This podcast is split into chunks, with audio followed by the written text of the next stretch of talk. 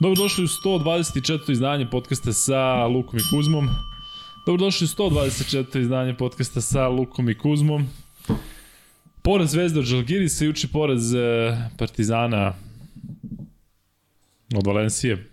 Nije baš neka dobra nedelja, očekivali Da, smo mnogo daleko više. od dobre nedelje, a bilo je svo vreme sveta da se pripreme za te utakmice i nekako jedni i drugi su pružili pa možda nikad gore partije u, u dosadašnjem toku Euroligi. A, šta misliš?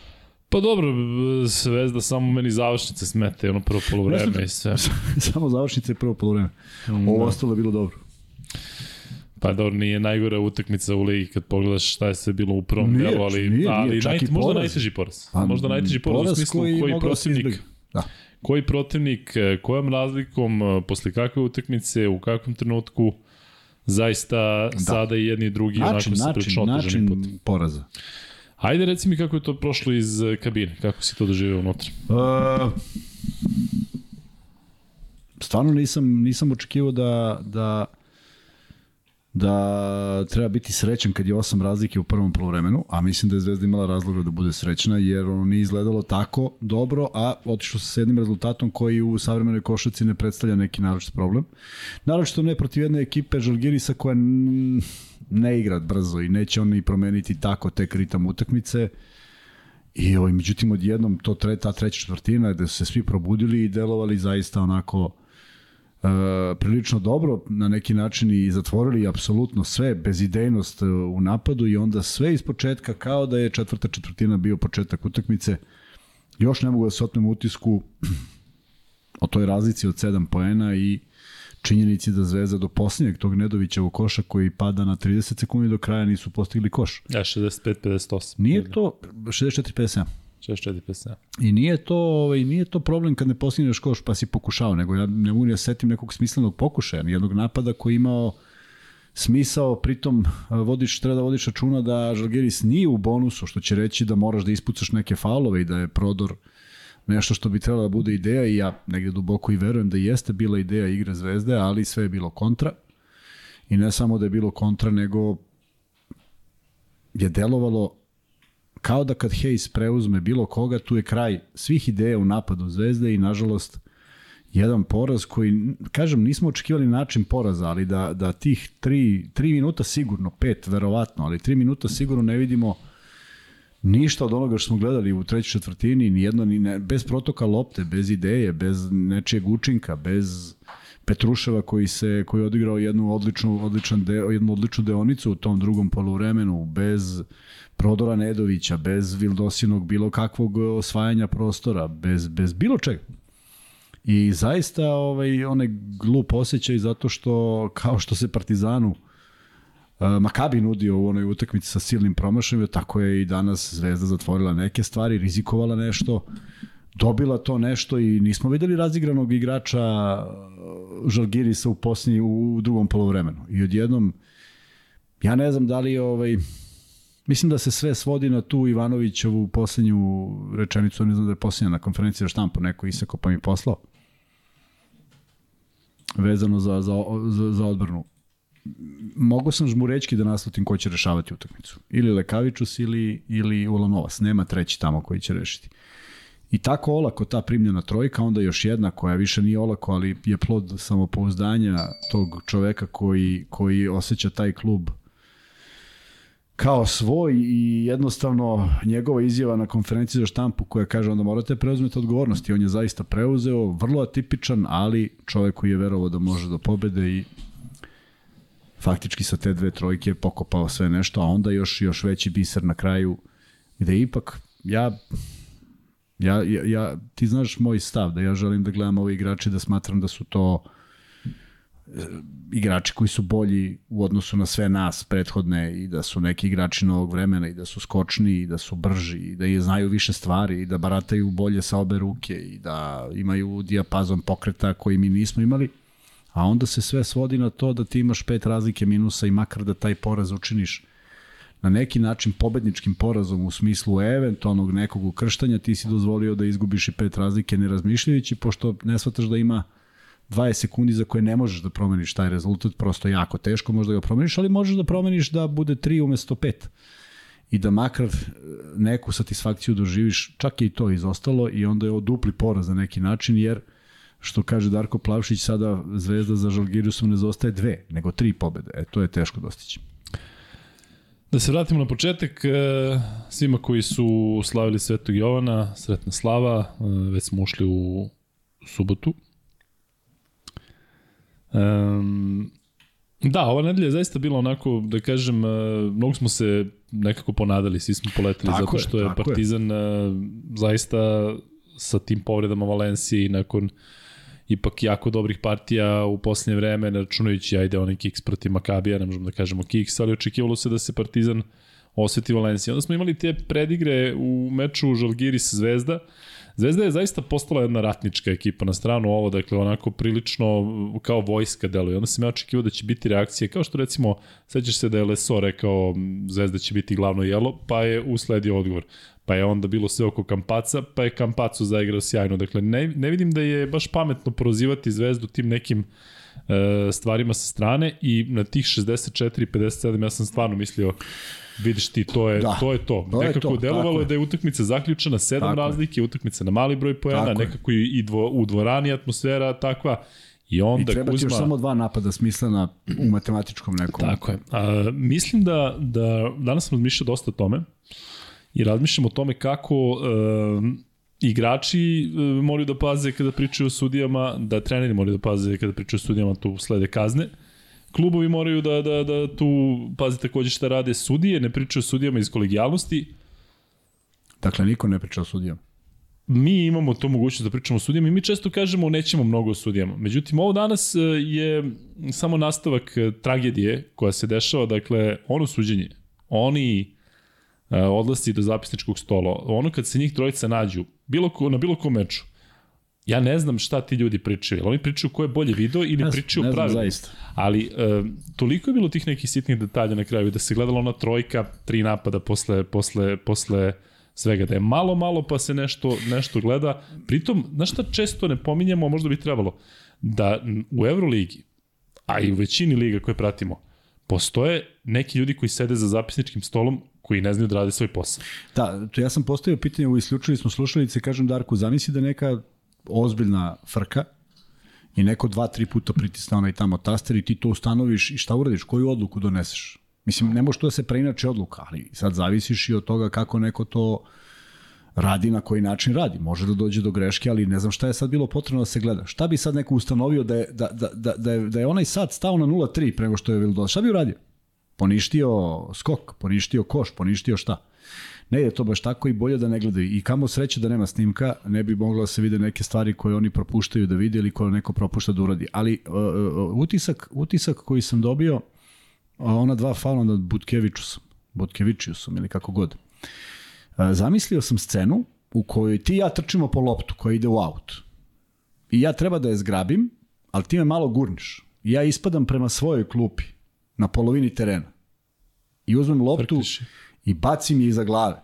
I sudija pokaže to ja ne mogu da shvatim. Ja ne I mogu, ne jednom, nego ne dva jednom, puta. Nego dva puta. Ja to ne mogu da shvatim. Ja prosto, ako je neko doneo to pravilo, treba ga, treba ga negde zatvoriti. Reći, kako, šta si mislio, da kad neko pada na glavačke izbasi, ti mu računaš to kao šut, jer se on u tom trenutku setio ili te, nije te on čak ni namagarčio, jer nije on bio u šutu.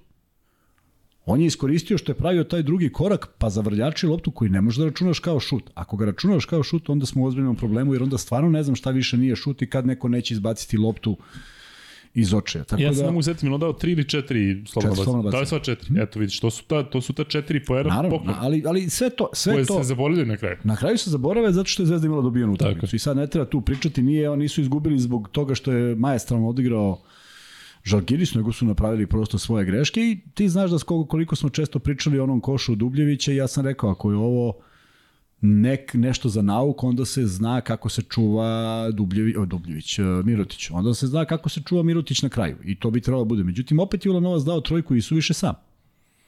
Ne postoji drugi igrač koji će uzeti taj šut. Ja prosto ne znam da li treba neko da...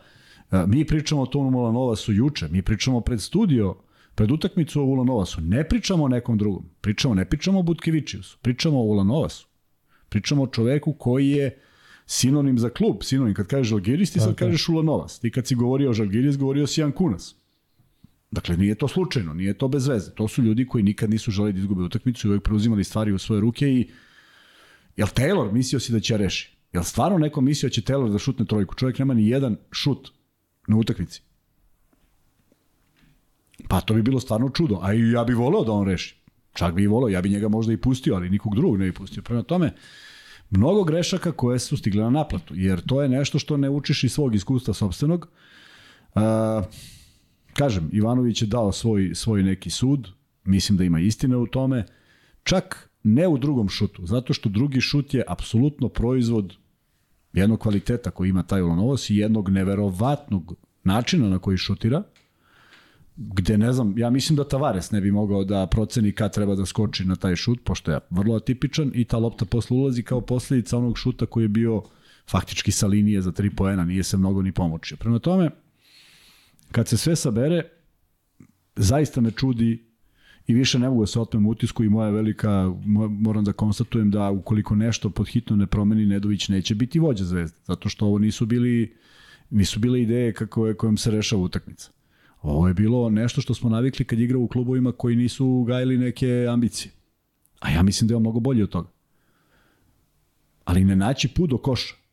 U momentima kada ti vidiš da on kad postigne koš, on se vidno nervira i bodri sebe i ti vidiš da on hoće. Ali način i šta bira, ok, idemo i na umor, idemo i na jednu tešku utakmicu, idemo na sve ali mora da se pronađe bolje rešenje. Prosto to ti je, to je, to je za tebe sada korak dalje da pokažeš svoj kvalitet, to je NBA igrač koji nima možda malo sreće u toj NBA ligi, koji ima fizikalije za to, ali očigledno nema, nema taj neki racio i neki rezon i neki fokus kako treba završiti utakmicu. Tako da Zvezda ovo, kao što je Partizan izgubio neke utakmice, tako i Zvezda ovu utakmicu izgubila. Nije Žalgiris igrao ništa bolje.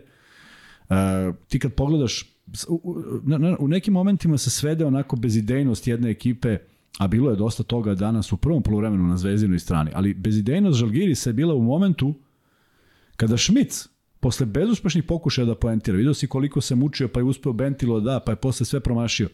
Ostaje sa Ivanović i dodaje loptu preko cele odbrane direktno Vildosi u ruke. Dakle, to govori mnogo o tome u kom stanju je ta ekipa kad ne može da pročita šta se desilo, šta sad, odjednom ostao Ivanović pa je on zbunje, ne može da koš.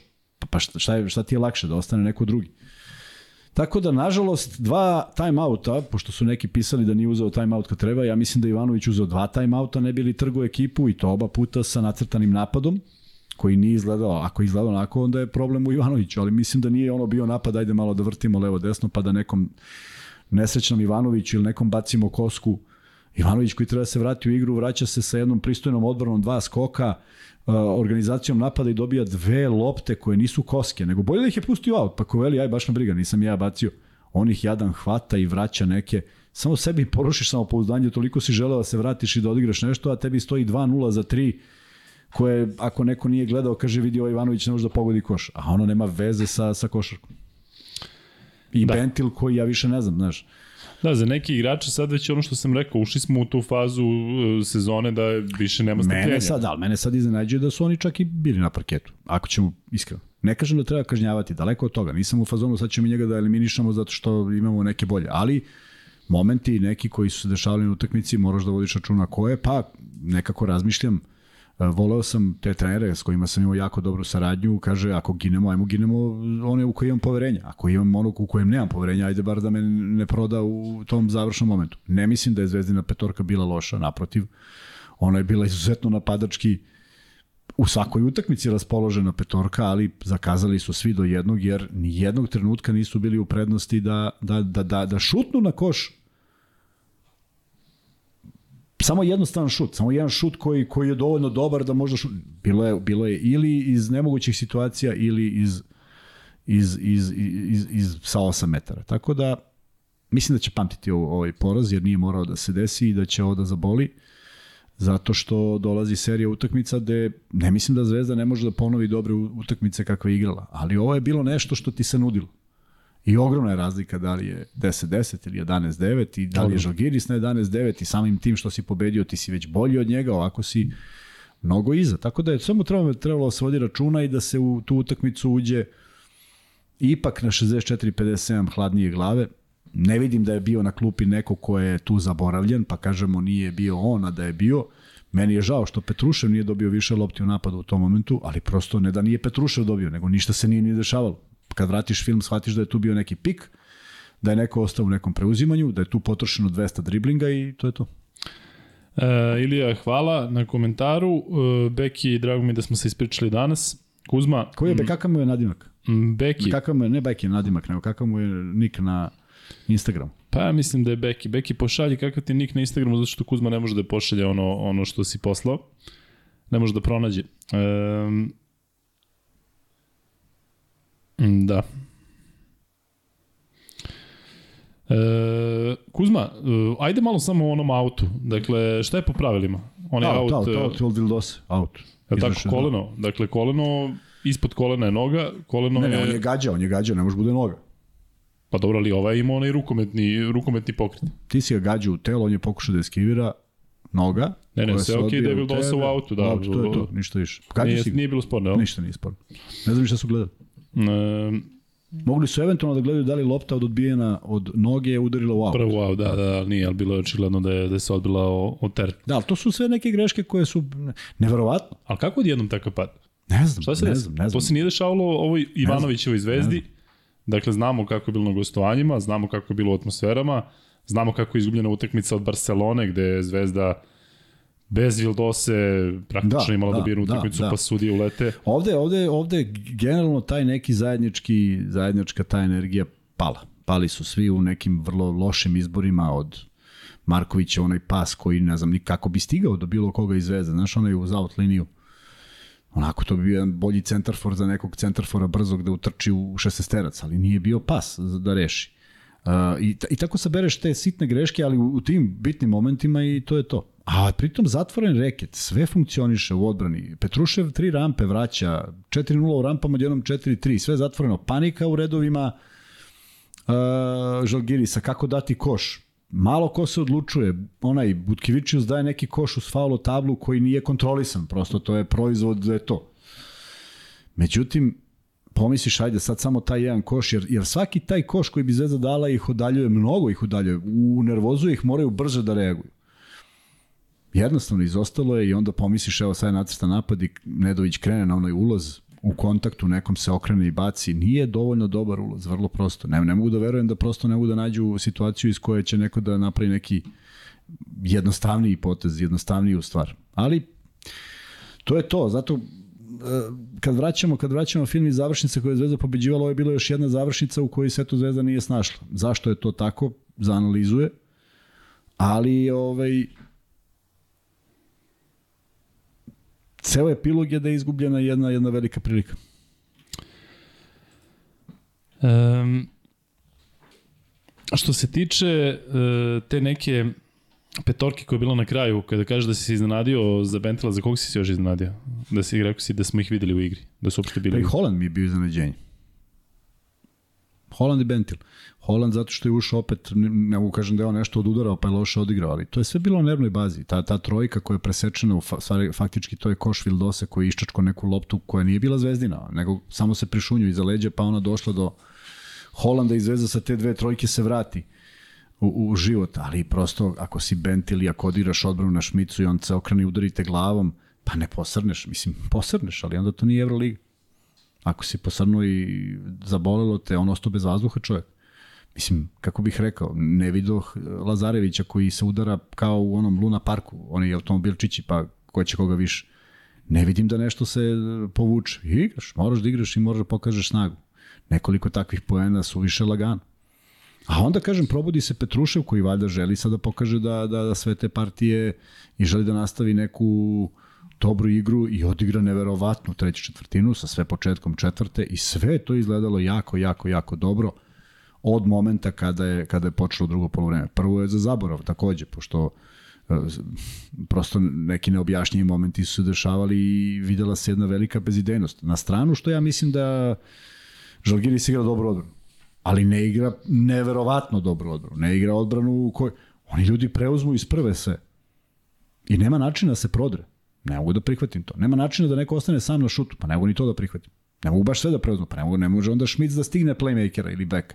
Ili hej, sad treba bude brži od, od zvezdinih bekova. Tako da, baš ovaj šteta. Baš šteta. E, Ne, ne znam kako i koliko će još prilika biti takvih, opet s druge strane pratiš i ove druge rezultate, pa ja uđem kod tebe u kabinu i vidim da vodi Efes i onda čujem da je Efes izgubio. Znači, Da, to Efes, ja mislim neke, da je tada 16 razlike. to su isto neke nevjerovatne stvari prema tome, svašta se dešava, Da, dešava svi se, padaju, dešava se, da. ali, ali e, e, de- e, kad se desi imaš nešto što je, što je što je tebi gostovanje negde gde si otišao sa malo šansi, poraz ovakav ili onakav, pa si pravio neke greške, pa si bio blizu ili nisi bio blizu, pa kažeš ok, to je to. Ali ovo je utakmica u kojoj si ti, posle svih peripetija, vodio. U, imam ove naočare, uopšte nemam prave naočare. Vidim ja nešto nije u redu, ne vidim telefon. Gde su pravo naočare? To nisu tvoje. jakni. Si Možeš vam da dodaš naočare, molim te, ha? Si ukrao Ne, ove su nekome? mi za daljinu. A vidim dobro te vidim nešto. Možda ti se promenila dioptrija Pa idemo iz početka, nisi imao umeđu prave naočare. da. Udri, udri u zvonce. Um, ima ovde jako dobar komentar Simkea, koji kaže, Simketa, E, postavlja se pitanje da li smo mi generalno normalan narod kada se stvara predratno stanje u državi zbog košake dok nam klubovi kubure oko 10. mesta od početka sezone, ljudi se mrze, alo dokle ovo. E, Simke, u suštini se slažem, ali mislim da e, bi bilo mnogo bolja situacija da su recimo Zvezda i Partizan dobili ove meče. Mislim da bi onda sa mnogo boljim energijom Isto ušli bi u bilo taj derbi. predratno stanje. Isto bi bilo predratno stanje, ali e, ne toliko predratno. Ovako će sad ovaj meč, e, ne možemo da kažemo biti biti ili ne biti, ali će definitivno imati neku drugačiju Jeste. drugačiju pozadinu, zato što jedni drugi hoće da se vade, tako? Tako da možemo da očekujemo verovatno Da. svašta narednih dana, verovatno će biti i nekih silnih saopštenja i ko zna kakvih nekih igrica koje, koje sleduju. Vi znate da mi ovde pokušavamo da da smirimo strasti, koliko god je to nemoguće nekada kada se igra derbi, ali kada ovako igraju timovi, naši timovi protiv nekih stranih, baš sam danas pričao sa ovim momcima, meni je prosto neverovatno da, da imaš one kojima je draži tuđi poraz Da. nego ovaj, Nego evo, ajde Kuzma, ti mi sad pomozi. Pazi, u Partizanu imamo uh, pet potencijalnih reprezentativaca. To su Andjušić, Koprivica, Smajlagić, Trifunović i Avramović. U Zvezdi neko će preskočiti, ajde zajedno, ako možeš da, da, da ne zaboravim nekog Nedović, Bivši, bivši Petrušev. Marković, Petrušev, Nedović, uh, Dobrić, Dobrić. uh, Lazić, uh, koji je igrao, bio Mitrović, naravno, dakle, imaš toliko, toliko da. igrača. I ti recimo sad u februaru dođeš u situaciju da navijaš za njega protiv Britanije i dva dana kasnije navijaš da je da, Možeš da, da, samo, sa- i sve to, sve Ali to. bukvalno, ti Da. sad navijaš onda ko što ti kažeš bravo, Ne, a najgore što ne, dana. samo je pitanje da li kažu bravo. Ako je kažu bravo, ja sam sasvim okej s tim. Ali imam problem da mnogi ne kažu bravo. Mnogi čak ne mogu da gledaju ni ovog protivničkog u reprezentaciji, što je potpuno nejasno. ali radovaće se kada damo trojku neku bitnu za... za Mislim da će se radovati pobedi, Pobedi, ali, da, da. ali manje će se radovati ako baš taj. Tako da čudno je sve to. E, da, drugari, plan za sledeću nedelju je dosta mislim očigledno, u smislu suštini da radimo ponedjeljak, četvrtak, petak. Međutim, u ponedjeljak ćemo imati ono što je Marko Jeremić pripremio, dakle zajedno ćemo stvarati tim za NBA i Fantasy i naravno pričat ćemo o ABA ligi i naravno pričat ćemo još o svemu aktualnom. Međutim, u četvrtak i petak radimo bukvalno u četvrtak najava derbija, u petak odjeva derbija, u petak ćemo imati nešto ranije termin nego inače u 23.15, dakle 99 yardi će završiti nešto ranije, tako da će naredna nedelja biti zaista zaista zanimljivo, mi pokušamo da, da aktiviramo, je tako možemo i da kažemo šta pokušamo, pokušamo da aktiviramo, Ajde, reci. da, on je naš e, shop, tako da osim majice koje su trenutno u ponudi, trebalo bi tu da bude zaista sve i svašta, tako da eto, u toj nedelji derbija, u toj posebnoj nedelji za srpsku košarku ćemo e, imati za vas neka iznenađenja. Znate kakva su, odnosno kako je ovo nepisano pravilo, da stignemo do 500 lajka, pa ćemo imati prvi free bet, kao i obično imaćemo tri free beta i naravno šaljete to sve, odnosno šaljete ID na maxbet, odnosno na lukekuzma.gmail.com. Možeš da da Vanja vam je poručio da se ne bavite politikom zato što će vas sve blokirati. E, Milan Jeftić je e, dao 20 e, kruna. Milane, izvini, sinoć si takođe donirao, a zaboravio sam da ti da te pozdravim i da, da kažem da si, mislim da si čak imao i neku poruku. Ali znaš ti kako je to kad se Kuzma raspriča? Kuzma ima dve faze. Ili priča, priča, ne možeš da ga zaustaviš, sve ovo pada u vodu.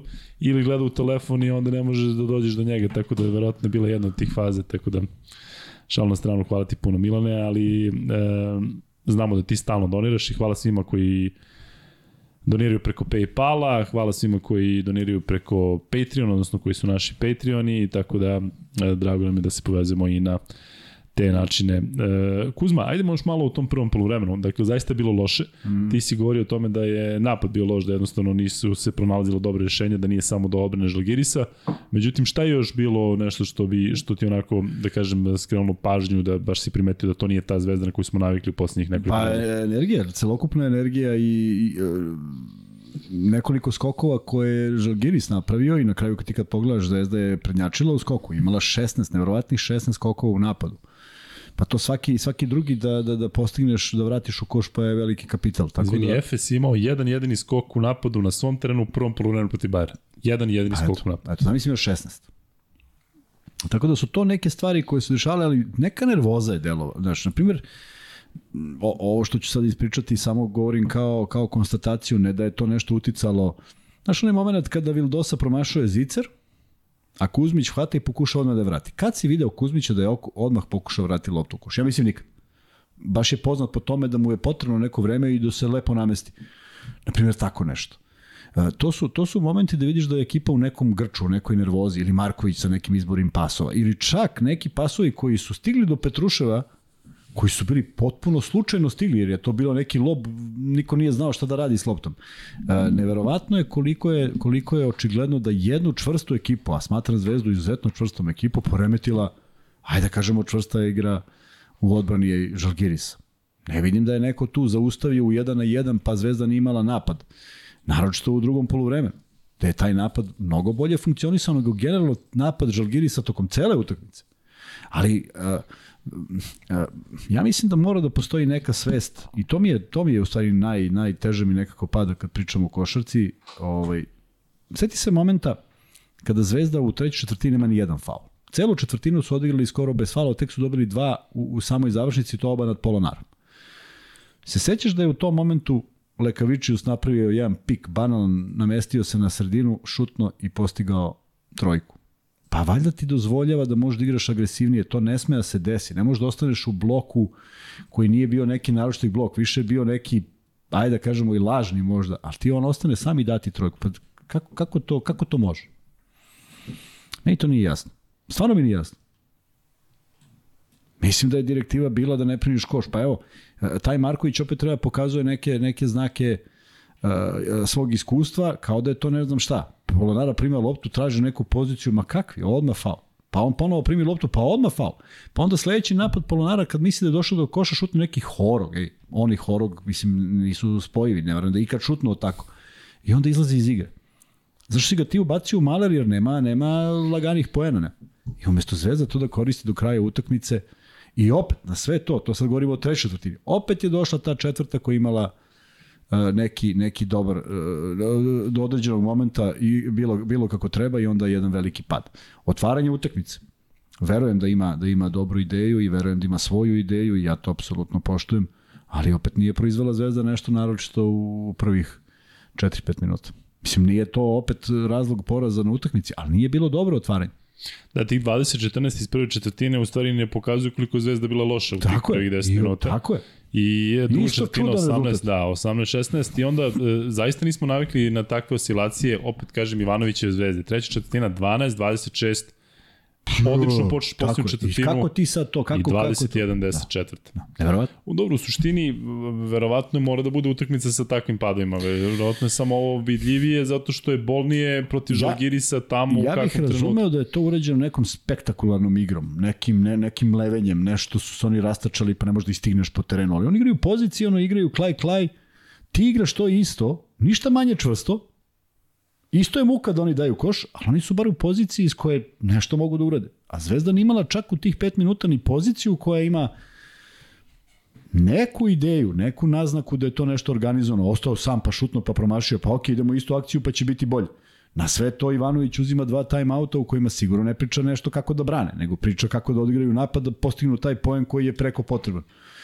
I eto, nažalost, ovaj, nije se došlo do toga, A nekako mi deluje da je ovo bio pravi moment da do toga dođu. E, da, Kuzma, možemo u suštini da pređemo na igrače, pa ćemo onda kroz to da pričamo mm -hmm. pojedinačno, zato što zaista ima o, o čemu da se priča, odnosno o kome da se priča. Ali hajde pre nego što pređemo na zvezdine igrače, da prokomentariši malo Polonaru i ono njegovo ponašanje, ne znam šta je pokazio, ne znam koji on problem ima. Vidio si da je nešto on nešto, ja mislim da on ima inspiraciju, poruku... ima inspiraciju. Ja poslednju ovakvu njegovu partiju pamtim za reprezentaciju Italije. Ne pamtim, Protiv Srbije, jel? Da, ne pamtim ništa slično. I baš ću da ispratim njegovu ovaj, sezonu, da vidim da li će ikada u, što bi rekao Muta Nikolić, u jedinici vremena, u jedinici vremena, šta god to značilo, u ovom slučaju 3 minuta, ispaliti tih 10 projektila, pogoditi sve i potpuno razbiti zvezdinu odbranu od igrača koji nekako ne vidim da je igrao tu ulogu ni sada u ovom klubu, ni u prethodnim klubovima, ali neka, neki moment inspiracije i stvarno, on kako, kako god da je bacio, to je dok nisu odigrali čvršće, dok nisu odigrali onako kako na njemu treba da se igra. Nije Polonara neko ko će na, na čvrstinu da odgovori čvrstinom. Nije ni defanzivno branio kako treba. Nije ništa uradio, nije ništa uradio. Mislim, dao je čovjek 10 pojena za 3 sekunde. Nemo kažem da ništa nije uradio i to izgleda onako potpuno te demorališ. Ali prosto to je tip koji, igrača koji kad oseti tvrdo, nije više taj. Mi odjednom Polonare koji je razbio zvezdu i imao najbolji moment, momentum u utakmici, on igrao završnicu. Pa sigurno ima neki razlog. E, Volio bih da znam šta je rekao i šta je tamo pokazivao zato što je ono baš bila neka poruka, ne znam da li navijačima ili možda Atamanu ili Zvezdi, baš zato što je se dešavalo to da je bio možda blizu Zvezde, ali dobro, što ti kažeš, bit će interesantno da pratimo tog Polonaru, ti si juče baš pričao o tome kako ga ne mirišeš, ali više kao igrača, ali delo mi da on onako prilično ozbiljan Lignjuslav e, i kada je Petruša dao onu trojku preko njega, Dakle, vidio si kako gospodski mogu je da mu, da mu se unese u facu ili nešto, međutim, eto, u tom trenutku Ništa sam mislio da je utakmica tako, tako je, pa da. Uh, prelomljena kada je Petruša dao tu trojku sa onih levih 45 stepeni, bilo je otprilike na toj nekoj poziciji. I posle toga je otprilike krenuo taj, e, taj pad zvezde. Kuzma, da krenemo od igrača koji je i bio najefikasniji, a to je upravo Filip Petrušev, 7 od 9 za 2. Uh, to na kraju se ispostavilo da nije bila trojka, što je dao preko, preko da. Polonare.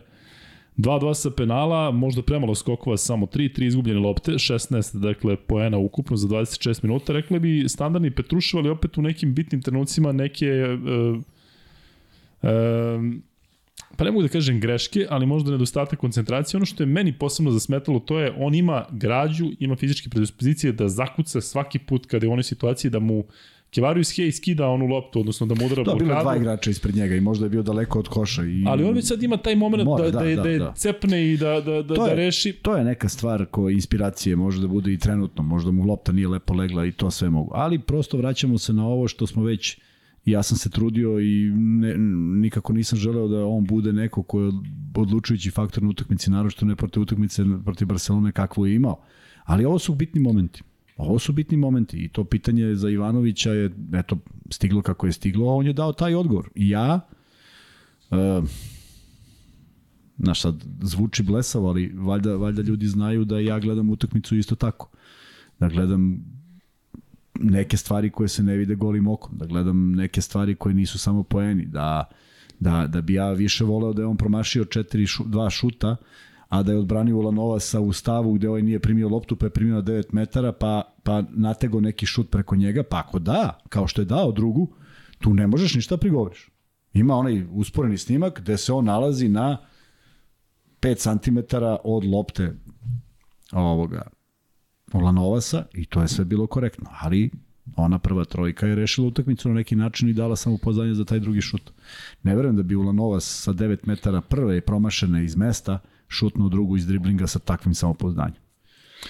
E, da, sledeći igrač o kojem ćemo pričati je Ognjen Kuzmić koji je dao 5 poena, imao 6 skokova i asistenciju. E, reci mi kako ti izgledao Kuzmić osim toga što si primetio da je imao to nekarakteristično? To, to je bilo neka, ovo sve ostalo bilo okej. Okay. Da. Sve je ostalo okej. Okay. Čak mi je bilo iznenađenje kad je primio loptu u sred reketa pa dodao nešto na stranu, umesto da je samo vrati.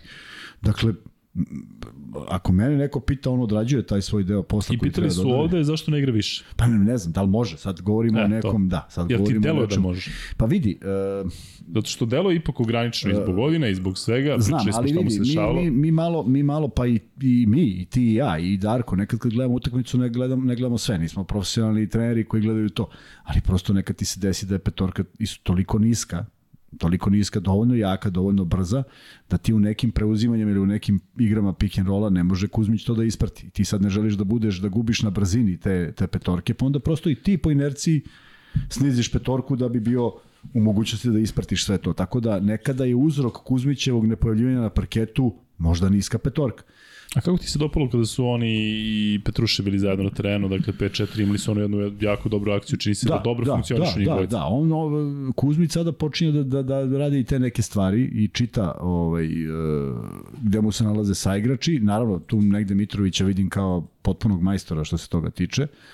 E, izmislio je danas onaj koš u poslednjih dve desetinke što, su, što je ostalo na semaforu spaso zvezdu i pomisliš eto nagrađena zvezda za neki napor i za neki povratak i za neki comeback, međutim nije bilo dovoljno.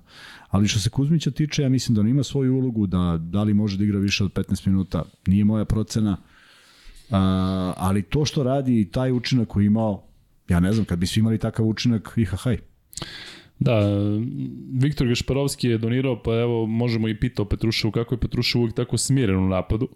Pa vjerojatno to dolazi, dolazi uh, On ima, on ima tačno toliko respekta koliko je to potrebno igra protiv nekog Žalgirisa, baš ga briga što će tu da se igra Final Four, odigrava kako odigrava, naravno drugu deo, drugi deo utakmice, ali u svemu tome moraš da budeš spreman i za odbranu, jer, jer ispostavilo se da je to bio ključni moment, ne nešto drugo.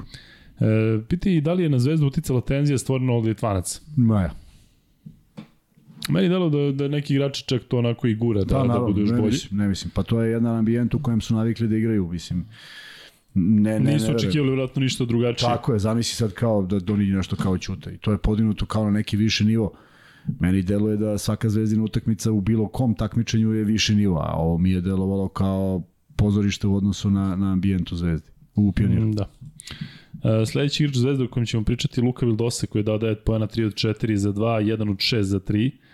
E, pet ukradenih, 3 izgubljene, 4 asistencije, 2 skoka, sve to za 27 minuta. Ti to kad pročitaš statistički, to deluje sasvim ok. Malo je Osim problem ovog šuta za šuta tri, za da. tri, da, ali to su neki šutevi koji nisu nisu iz pozicije. A onaj osjećaj kad ide na koš pa Hayes pokušava da lupi rampu, a on je onako to stvarno te zadivi koliko osjećaja tu ima, ali Tako gde, je, da. gde je taj ulaz Bez na koske, kraju? ali, ali stvarno prosto nevjerojatno ono što si ti pričao za Nedovića, zašto to ne rade više? Video si kad Vildosa naskoči na dva, pronađe poziciju, naskoči na dva, ili kada onako baci sa sa dobrim tajmingom osjećaja, preko tako igrača, zašto to okretanje kukova u vazduhu, da se to bude neko, neko znam. seckanje, da, Ne znam, ne znam, ne znam. Koliko god Nedović recimo mogao da po, po, pogodi takve šute, evo nastavit ćemo upravo sa njim, Nemanja Nedović je 11 poena, ponovo tih 1 od 6 za 3, 4 od 11 za 2, e, dva skoka, dve asistencije, što ti kažeš stvarno da imamo te mogućnosti kao Nedović, ja mislim da bi u, svaki put išao na prodor i Šarao bi, samo čekao bi da dobijemo onaj. Alan Ford, uh, Alan Ford, bože, Alfonso Ford. e, Tu vidiš reakciju Ivanovića. Tu samo pogledaj na njegov onaj šut iz, uh, sa, leve, sa leve napadačke strane, kad izlazi iz bloka na desnu. Ti moraš da bi šutnuo takav šut, moraš da se zarotiraš. Da. I to je izuzetno težak šut i za spremnije i za snažnije. Viš, Izuzetno on je protiv. Monaka recimo takve šuteve pogađao. I čak je Obradović rekao da je on izlazi iz bloka, da su to ti njegovi šutevi, da nekad ne pogađa, sada ih je pogađao, Ja ali da mogu da očekuješ uvek. ja mislim da izlazio sa suprotne strane. Jer ti je, Protiv Monaka. jer, protiv Monaka. Jer, jer, jer kad izađeš sa, sa, sa, i za- zavrćeš oko desne noge, ti si već okrenut ka košu. Znači, tvoja desna noga gleda u koš. A kad okrećeš sa leve strane, ti moraš da se okreneš ka košu. Ne možeš da šutneš desnom rukom iz levog uh, trka. Ne može prvo leva noga da stane kao što je u njegovom slučaju stala, pa da, a da se ne zarotiraš. Tako da to jeste težak šut, ne kažem da on ne može da ga da, ali nije u formi da ga daje i treba da ga izbegava. I umesto tu da se stušti na koš po svaku cenu, onda je, onda je u dva navrata suviše dugo držao loptu u ruci čekajući neki kontakt i ono bile rampe. Tako da, mnogo pogrešnih izbora od igrača od kojeg bi trebalo da zavisi taj neki napad, neka sigurnost u napadu. Ovde su počeli da porede Nedovića i Pantera zbog tih e, nekih reakcija u završnici, zbog tih šuteva koji su izuzetno teški. Da, Ti da, vidiš da, tu... vidim, vidim kako da ne. Zato, e, o tome govorimo. Mi govorimo i ja od početka kad je Nedović potpisao, ja pričam o odgovornosti. E, bojim se da je igrao u ekipama koje nemaju odgovornost. I bili su na tabeli koji su bili, ili, ili on imao takvu minutažu, pa znaš, negde kod nekih trenera zna se, on ulazi tada, izlazi tada, ulazi ponovo ovamo i on je ume, uspevao da, ja sam se često pitao dok je on igrao u Armaniju, na primjer, ja sam se pitao kad neko uzme iz devet šuteva, da 20 i nešto poena, kako je moguće da ne završava utakmicu? Ali ima sina ili već neki drugi trener ima svoju neku ideju i onda on kaže e, ja ipak volim da završim s ovima i ti možda najboljeg strelca nemaš u tom trenutku jer on ima neku drugu ideju i mislim da se to dešavalo Nedoviću. Ali sad on mora da shvati da je on taj od kojeg zavisi. Jer su sve oči uprte u njega, nisu uprte u Petruševa. Niko nije gledao Petruševa do, do, do osmog kola, je tako? A, sa, a u Nedovića su gledali od prvog. Od prvog, od četvrtog kada je počeo da igra. Tako da mislim da bi morao mnogo konkretnije, odgovornije da to bude izbor šuteva koji su pravi. Ako si sami promašiš, nećeš dobiti nikakvu kritiku, niko ti ništa neće reći. Pa čak ni Ivanović neće reagovati ako si ti napravio poziciju šutno nešto što je potpuno čisto. E, Nedović ove sezone u Euroligi ima 53 od 101 za 2 i ima 25 od 104 za 3. Mnogo. I e, da li misliš da on e, ima kredit za te neke šuteve zbog one Pa sve trojke imati, protiv ne, sve Partizana? imati. Ali misliš, misliš evo ovde čak bilo komentara da je ono trojku i sve mu je oprošteno, Ne, nije, E, nije, kod Ivanovića nije. ali recimo taj šut je bio idealan u smislu čovjek je čekao u ćošku, dobio loptu, Ja malo mislim, se ja, izvrnuo, ja, izvrnuo. vidi, ja, ja kod takvih trenera, kad vidim neku takvu minijaturu, ja želim da verujem da je to bilo dogovoreno. Da je bilo ideja zašto Vildosa ide i koga traži i kako traži i gde ovaj stoji. I on je uzeo najbolji mogući šut i pogledaj ti koji je to paradoks. Nedović je danas pogodio njegov najteži šut. Onaj unazad preko Jeste. čoveka, to je ušlo kao kap, to je ušlo savršeno. Sad, gde dolazi do problema kada si sam i kada imaš sve otvoreno ispred sebe, ja ne znam, ali, ali e, svi treneri će ti reći da šut iz pozicije posle dobre kretnje i pro, promašaja samo ti kažu vidi sutra dođi da šutiraš ne kažu ti zašto si šutnuo s 9 metara, nego ti kažu dođi da šutiraš da poboljšaš šut. A ovde imaš legitimno pitanje zašto je izbor šuta bio takav kakav je bio. E, ben Bentil 8 poena, Ništa, to, Jedan, to, jedan deluje dobro, dva. to deluje dobro, kao on igra 17 minuta 8 poena. A u stvari... ali Kuzma od jednog stranca. Da, da, da, ne može da bude kada zadovoljavajuće, govoriš, naravno. ja mislim da smo zaista sada bukvalno uh, očekivanja od Holanda i Bentila sveli na to da oni kada urede nešto Samo dobro da je to ne, da wow. pogreši. Da, dakle, ovaj, ovaj dao trojku, zamisli dao trojku, pa i Holland dao trojku, sećaš se u drugoj četvrtini, to je bilo kao, Da, da, da. brate, vezali Bentil i Holland je trojke, ludilo. ovo sad, znaš, traži time out, maks. Ali je zaista premalo. Um,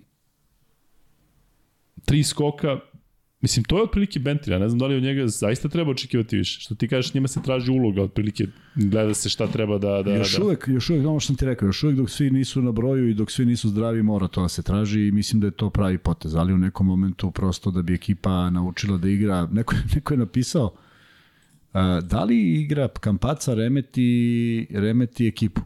I negde, znaš, u nekom, u nekoj, nekom razmišljanju, zamisli, navikneš se u ABA ligi da svaki put ti op, znaš, ti napraviš ovo, a lopta ti ovako upadne u ruku i ti ubaciš u koš. I sad ti napraviš ovo na ovoj utakmici, a ono prazno. E, tu ima, ima, ima, ima i tu neke istine, ali ne baš takve, nije to ovaj, nešto što bi trebalo bude pravilo. Ne igra on ovde 20 godina u, u dva takmičenja, pa se neko toliko naviko da bez njega ne može da hoda. Ali činjenica je da njegove lopte idu drugačije. I to je ono što mi je nedostajalo od Vildose. On je uspeo da izmisli 6-7 asistencija po utakmici bez problema. Sad ispade da na, preuzi, na prvo preuzimanje Ne, nemam, nemam odgovor. Nemam odgovor. A, ok, jel preuzimanje? Ajmo svi se raširiti, idite u strelce. Nema niko više pravi blok. Pa mora postoji neki otvoren pas, mora neko da skupi. Ili je stvarno toliko dobro? Ako je toliko dobar, Hejsa, momentalno sad kaparisati za sledeću godinu da imamo kako to izgleda. Jer ispade nerešiva enigma.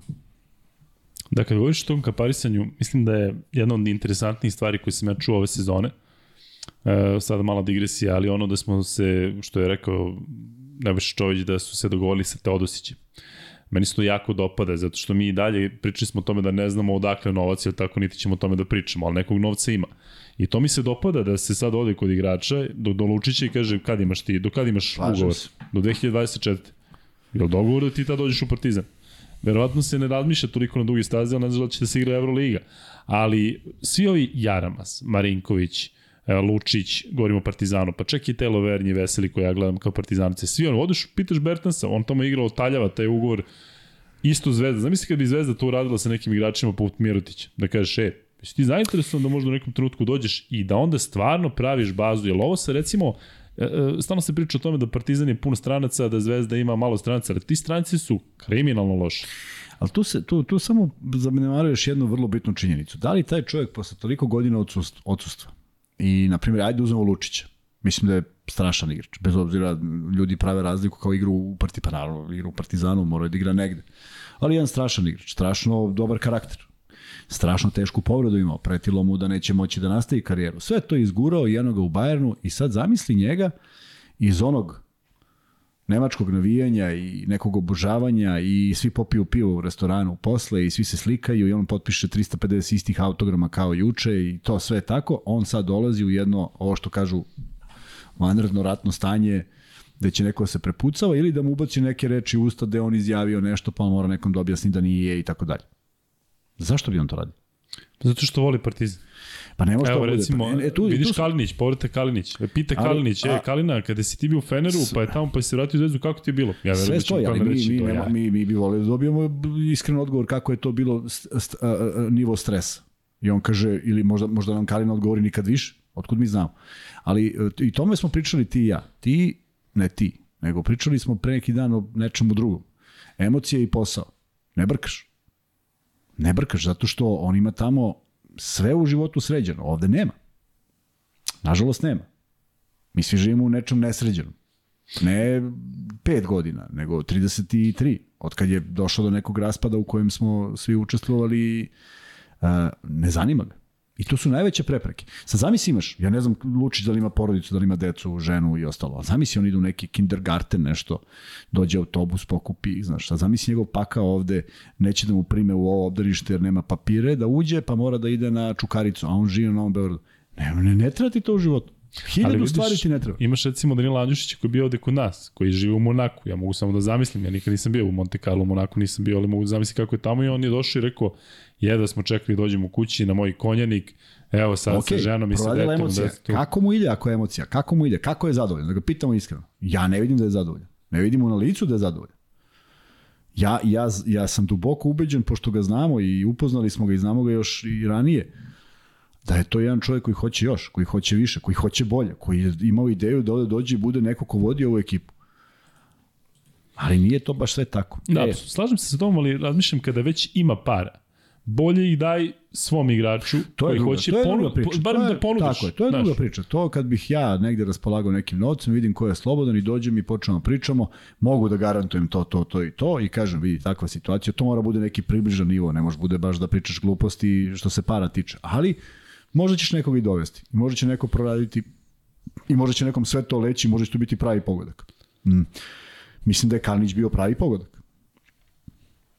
Ali je Kalinić dobio potpuno drugačiju ulogu koju je mogao da nosi. On je dugo bio neki tu šest igrač od kojeg se očekivalo sve to. On je sad to dobio i počeo da rešava utakmice i mislim da je uživo u toj ulozi, koliko god naporno bilo. E možda je tu falilo još jedno dva igrača koje sad Zvezda ima. Možda je falio taj neki Vildosa da ima. Zamisli Vildosa i Kalinić ili tako nešto. Koliko bi te neke stvari bile jednostavnije. Ovako, Zvezda imala tim kakav je imala, Kalinić je uradio šta je uradio i ja mu skidam kapu za sve što je uradio u Zvezdi u toj sezoni. Da te vidiš to što ti govoriš o, o da deluju nesrećno. Meni Kalinić ne deluje previše zadovoljno u Barceloni. Ja mislim da on razmišlja, znaš, i kada je krenulo tamo nešto sa iskričio E, ali- sam neki problem, svi kao je Kalina se vraća u zvezdu. Sve to stoji, ali, ali, ali upravo sad, tu, tu kažem, postoji mnogo stvari. On je otišao iz Zvezde u Barcelonu, da je on sedam godina u Barceloni i da ima ponudu da ostane još tri godine, da dođe u Zvezdu, možda bi rekao neću. Možda bi se, možda ima decu, možda, oni ne znam da li ih ima, mislim da nema.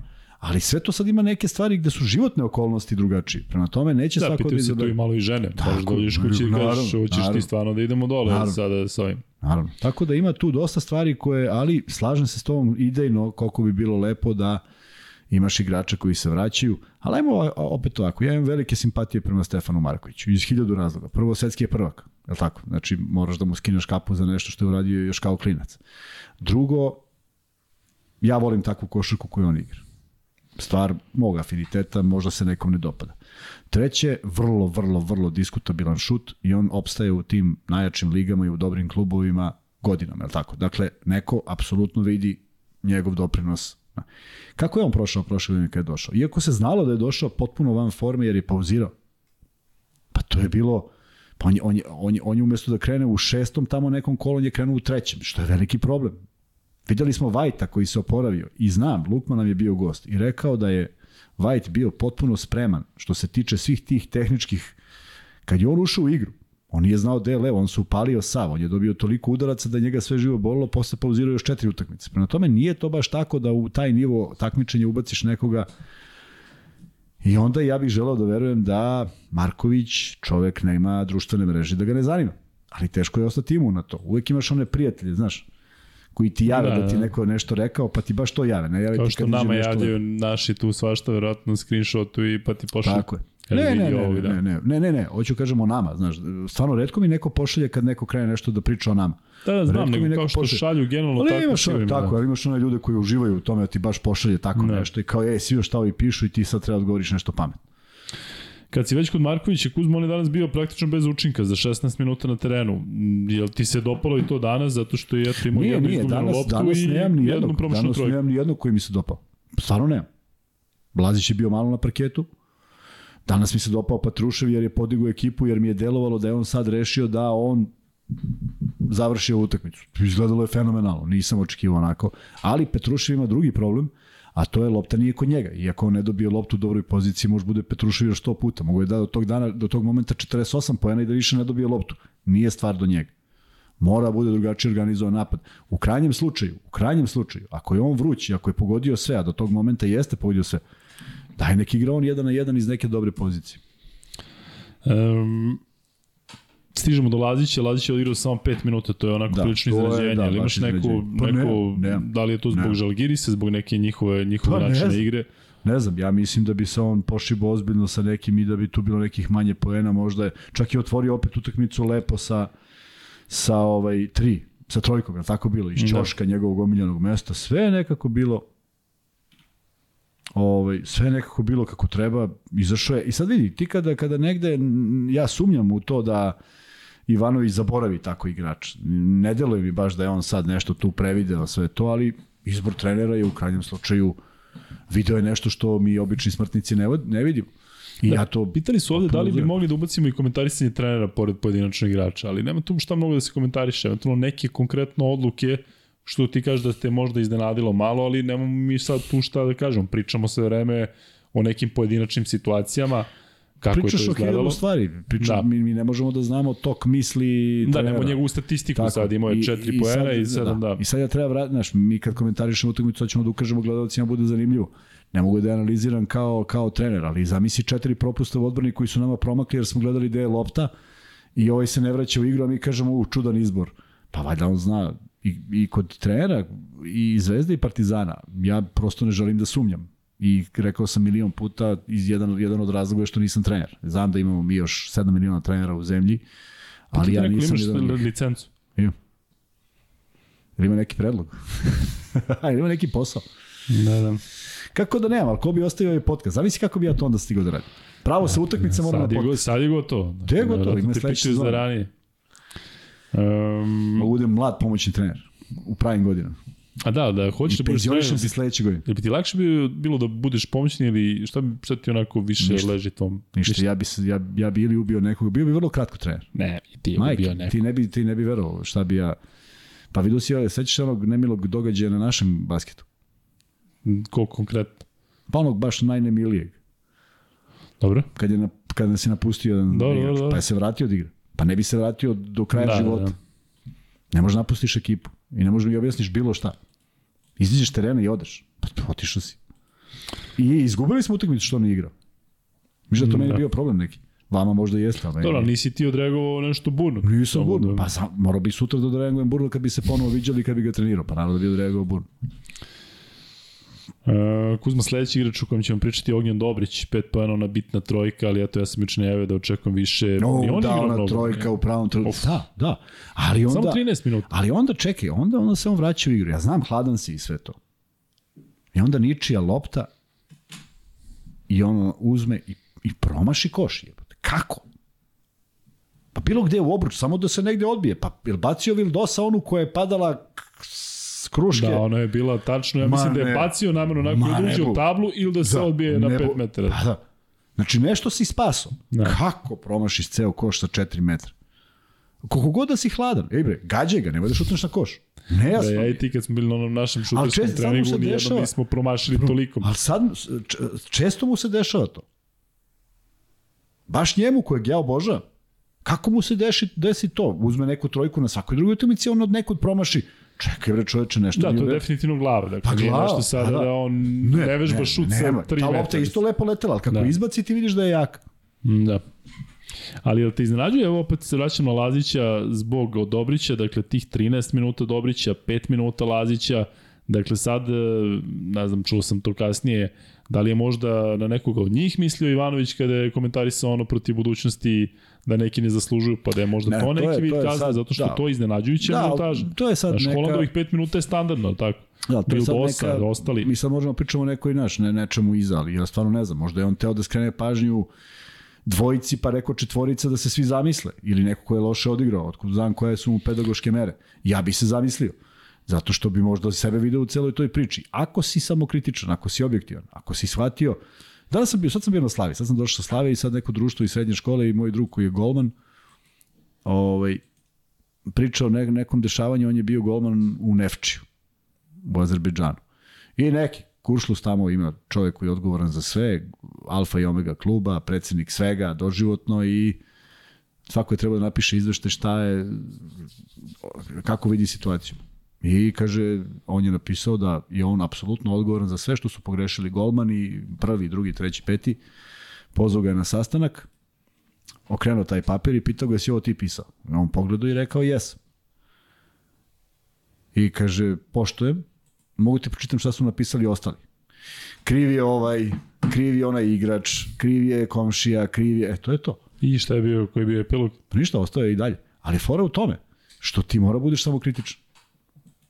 Ja, ja, ja, ja, ja, bi sva, ja ću shvatiti samokritičnost na sledećoj utakmici kada u završnici lopta dođe do najboljeg igrača Partizana i on šutne kroz Petruševove ruke, ovako šutne ovde mu, ovde, ovde mu šaka i on šutne jer mora da šutne pošto je, treba da, da, da stigne neki rezultat.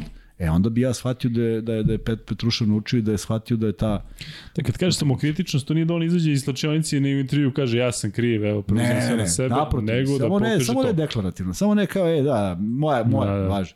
Ima, Prihvatam. ima Darko sam. onu čuvenu, fenomenalnu, kad mu igrač pravi grešku i kaže, okrene se pravo prema njima i kaže, moja, moja greška, I kaže, ne, ne, kaže, moja, Hm. jer si u igri. Tako da ne treba ti da kažeš, ti treba da pokažeš. I svi ti igrači su bivali bolji što su pokazivali. A ne zato što su rekli, to je ono što kad pričam za Holanda. Znaš, izlazi na, zagreva, na, ono, na prozivku i izudara sve svoje saigrače onim skokovima, ha, ha, hu, idemo i dođe utakmica i ono da se, da, da se pitaš odakle ovaj. E, to su neke stvari kao ja sam izgovorio, bio sam spreman, ali nešto nije išlo. Šta nije išlo više? Um, Ne može 20 utakmica ne ide. Može. Lazarević Kuzma 25 minuta, 2 poena, ali 6 skokova, jedna asistencija, dobra odbrana, izvukao je nekoliko onih faulova, dakle, sećaš se kada ga je udario Šmic laktom u glavu, dakle on izaziva, da kažem, takve reakcije igrača koje čuva baš zbog te dobre odbrane, ali opet ono što sam ja pričao i ranije, meni je nekako Stefanovih e, dva poena premalo za 25 minuta, zato što imaš jednu opciju manje u napadu i onda dolazi do toga da Nedović mora da izmišlja neke poteze, Volio bih da vidim da je da je konkretni i i Slažem se, šutu ili slažem se. Međutim, aj sad uzmemo taj poen kada niko nije išao na koš, on je otišao dovoljno sigurno, lepo za se zamestio. Znači da može, šutno. tako. Znači da može. E, tu je Išao sad, sa onakvom građem, znaš, pitaš se, pa čekaj, ti možeš sebi da obezbediš šut, dakle Tako nije je, on sad tako. neki... I on bi morao da traži, ne mora čak šut, ne mora da obezbedi šut, treba da obezbedi ovo. Da unese nekoga ispod koša i da se okrene oko leve noge i Eto. to je to. Ali danas, na primjer, danas Luka Mitrović koji imao genijalan sad, da. potez kada iskoračuje i, Darko izgovora, lepo se oslobodio i on promašuje. Dešava se, ali to je košarkaški. Ako ne pokušaš, Da, nije ništa. poluhorog, na Polu desno, tako. koji on obično daje, to se lepo namestio, odvojio Ono, se, Prvi običaj, tako udario. prvi pa u tablu. Da. Znaš, dešava se, ali ja bi to volao da vidim, potpuno si u pravu, ne možeš ti kao šutneš jedan i jedan. A ne moraš ni po svaku cenu da šutneš neku loptu da bi je ti šutnuo. Mora bude dobra pozicija, pa izgradi je.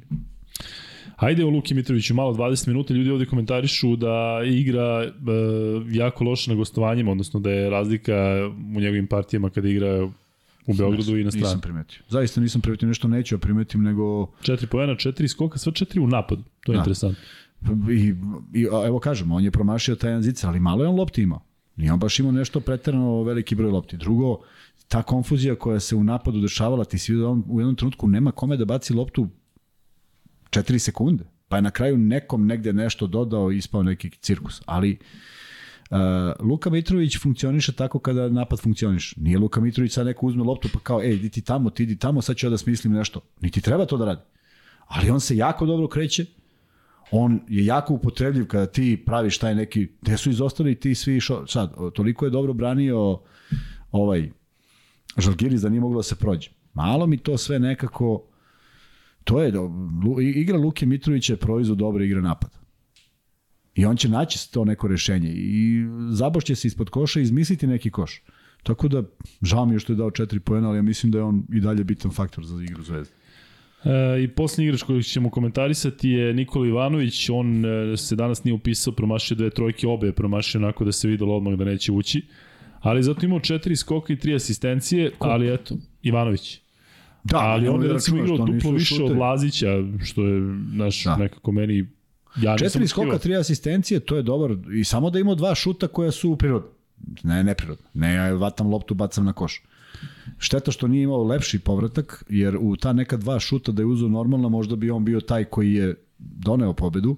Vidim da je ušao sa samopouzdanjem, vidim da ga je Ivanović ubacio.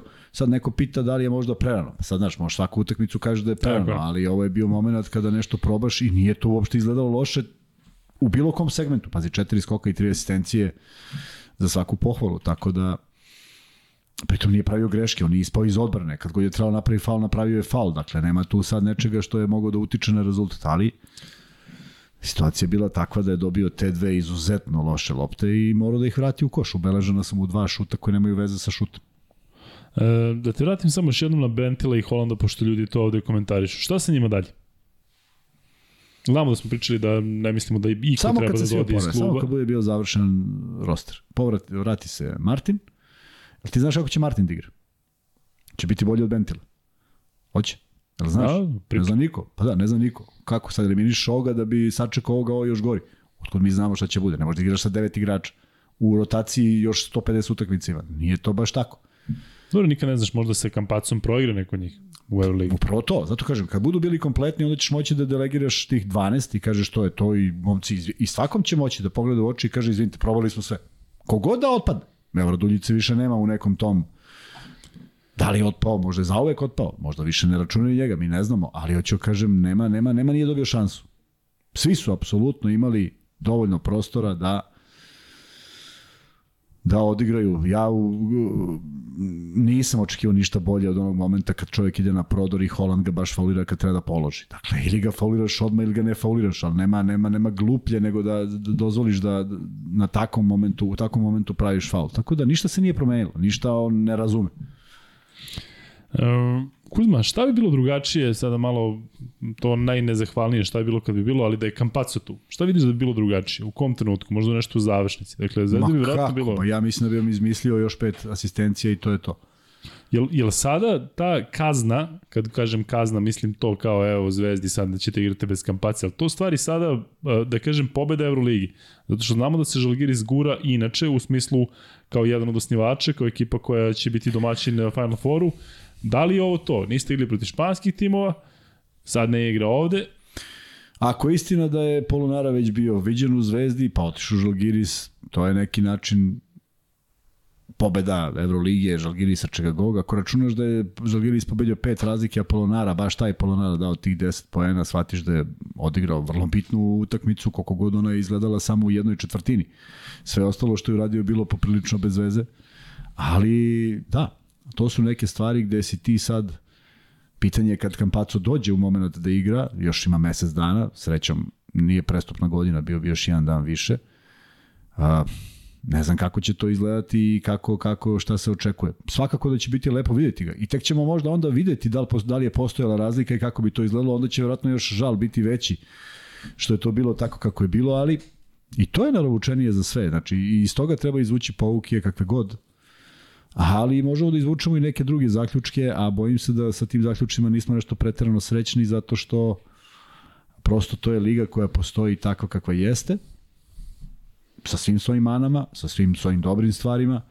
Meni se ne sviđa što su te dobre stvari mahom kozmetički. Znaš u kom smislu?